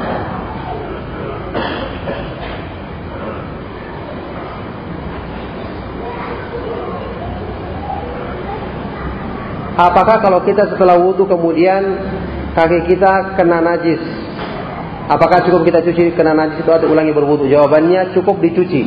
Jadi kalau telah sempurna wudhu kita, kemudian kena najis, cukup dibersihkan najisnya dan wudhunya tetap sah, tidak ada masalah dengan wudhunya. Sampai di manakah posisi tangan waktu takbiratul ihram? Jawabannya ada dua hadis yang menerangkan masalah ini bisa sejajar dengan dada, bisa sampai uh, sejajar dengan ujung ujung kuping bagian bawahnya. Di manakah letak tangan pada waktu bersedekap? Jawabannya yang disebutkan dalam hadis sahih riwayat Abu Daud, Nabi SAW waktu bersedekap itu tangan kanannya menggenggam tiga, tiga bagian pada tangan kirinya, yaitu telapak tangan, pergelangan dan bagian lengannya. Jadi ini diperbolehkan. Yang jelas tangan kanan yang eh, yang kanan menyentuh tiga hal ini maka itu caranya bersedekap seperti yang disebutkan dalam hadis yang sahih. Bolehkah zikir petang dibaca setelah salat asar dengan tidak menyambung zikir ba'da salat?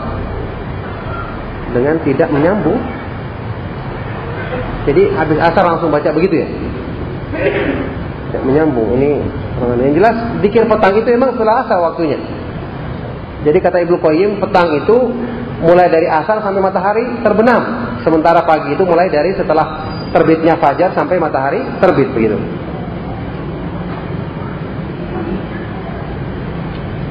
Sudah tadi. Apakah dibolehkan angkat tangan setelah sholat? Adakah hadis yang mendukung? Setelah sholat itu uh, termasuk tempat-tempat yang terulang-ulang Nabi Shallallahu Alaihi Wasallam uh, perbuatannya dilihat oleh para sahabat Nabi Shallallahu Alaihi Wasallam. Maka pendapat yang paling kuat dalam mengartikan hadis Nabi Shallallahu Alaihi Wasallam dalam Sunan Tirmidzi yang sahih. Waktu beliau ditanya ayu doain asma? Doa apakah yang paling didengar?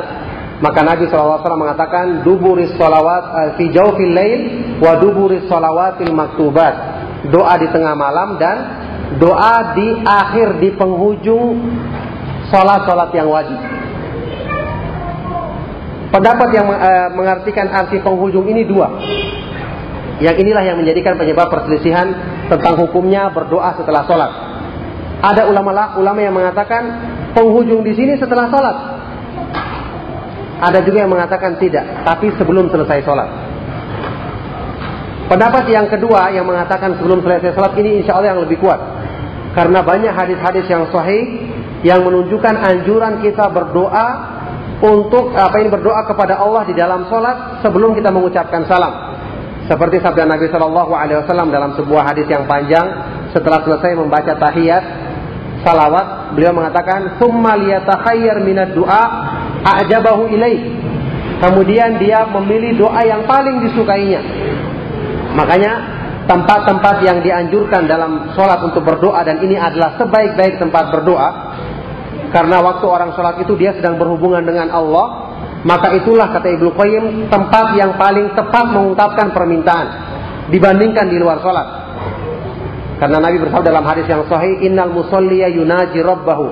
Orang yang sholat itu dia sedang berbisik-bisik dengan Allah.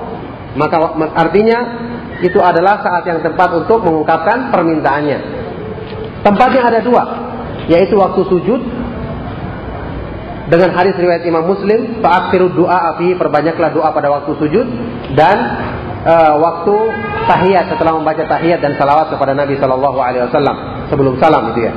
Jadi ini pendapat yang lebih kuat dari dua pendapat tadi. Meskipun ada ulama yang mengatakan dengan hadis tadi dianjurkannya berdoa setelah sholat seperti Ibnu Hajar yang berpendapat demikian. Maka ini termasuk khilaf yang yang yang yang punya wajah, yang punya wijhatun nazar. Meskipun yang terkuat adalah e, doa tadi adalah di dalam sholat karena setelah sholat itu tempatnya untuk berzikir. Allah berfirman dalam Al-Quran, "Fa'idha qadaitumus sholata fadkurullaha qiyaman wa qu'udan. Kalau kalian telah menunaikan sholat maka berzikirlah kepada Allah dalam keadaan duduk maupun berdiri. Jadi Syekh Syekh mengatakan dari ayat ini menunjukkan setelah sholat itu waktunya adalah untuk berzikir, adapun berdoa itu diucapkan sebelum salam setelah apa ini setelah membaca tahiyat. Yang jelas ini termasuk perselisihan di kalangan para ulama dan pendapat tadi yang sampai saat ini saya anggap lebih kuat.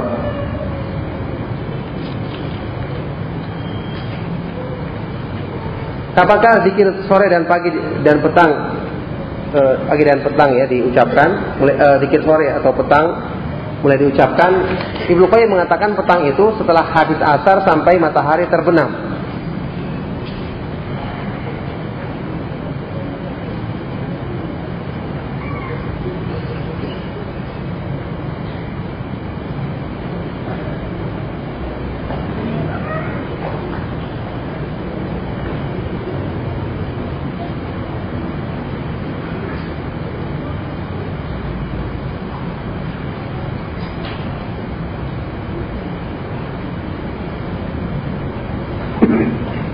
bagaimana menghilangkan rasa kecewa kepada para penyampai kebenaran. Dai mubalik para ustadz yang senantiasa menyampaikan kebaikan-kebaikan akhlak yang mulia dan sebagainya.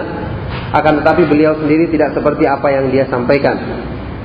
Sehingga ilmu dan kebenaran yang disampaikan selalu hati berkata-kata sehingga anak merasa hati ini sudah terkena penyakit hati.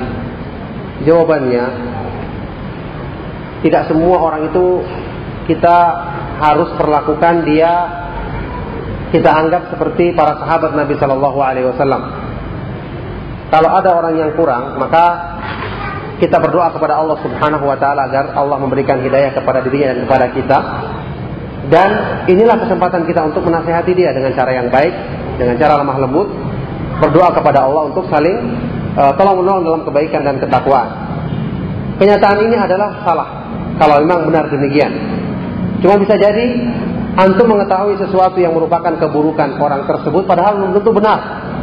Mungkin antum coba dengarkan berita yang belum antum periksa, maka ini adalah kesalahan antum sendiri. Maka sebaiknya sesama orang yang muslim apalagi yang menampakkan kebaikan dan semangat dalam beragama, kita harus mendahulukan sangka baik. Kita harus menghilangkan sangka buruk. Kata Umar Ibn Khattab dalam sebuah asar yang sahih atau salah seorang ulama salaf, "Idza balagha an akhika syai'un takrahuhu faltamisu lahu faltamis lahu juhdan apa in udron juhdan." Kalau kamu mendengarkan dari saudaramu sesuatu yang kamu tidak sukai, sesuatu yang buruk, maka berusahalah semaksimal mungkin cari udur alasan untuk dirinya. Cari alasannya, mungkin begini, mungkin begini, mungkin saya salah dengar, mungkin dia lalai, mungkin seperti ini. Fa illam tajid kalau kamu tidak mendapatkan udur alasan untuknya, fakul fi nafsika katakanlah dalam dirimu la'alla li akhi udron la a'rifu. Bisa jadi saudaraku ini punya udur yang aku tidak yang aku tidak ketahui. Karena apa gunanya? Kalaupun dia benar seperti itu terus apa manfaatnya bagi kita? Yang harusnya kita lakukan adalah kita perbaiki diri kita, berlindung kepada Allah semoga tidak menimpakan hal tersebut kepada diri kita, kemudian kita nasihati dengan cara yang baik. Dengan cara ini akan akan kita bisa mendapatkan kebaikan untuk diri kita dan untuk saudara kita. Ya mungkin sudah ya, sudah kita sembilan. Kita akhiri.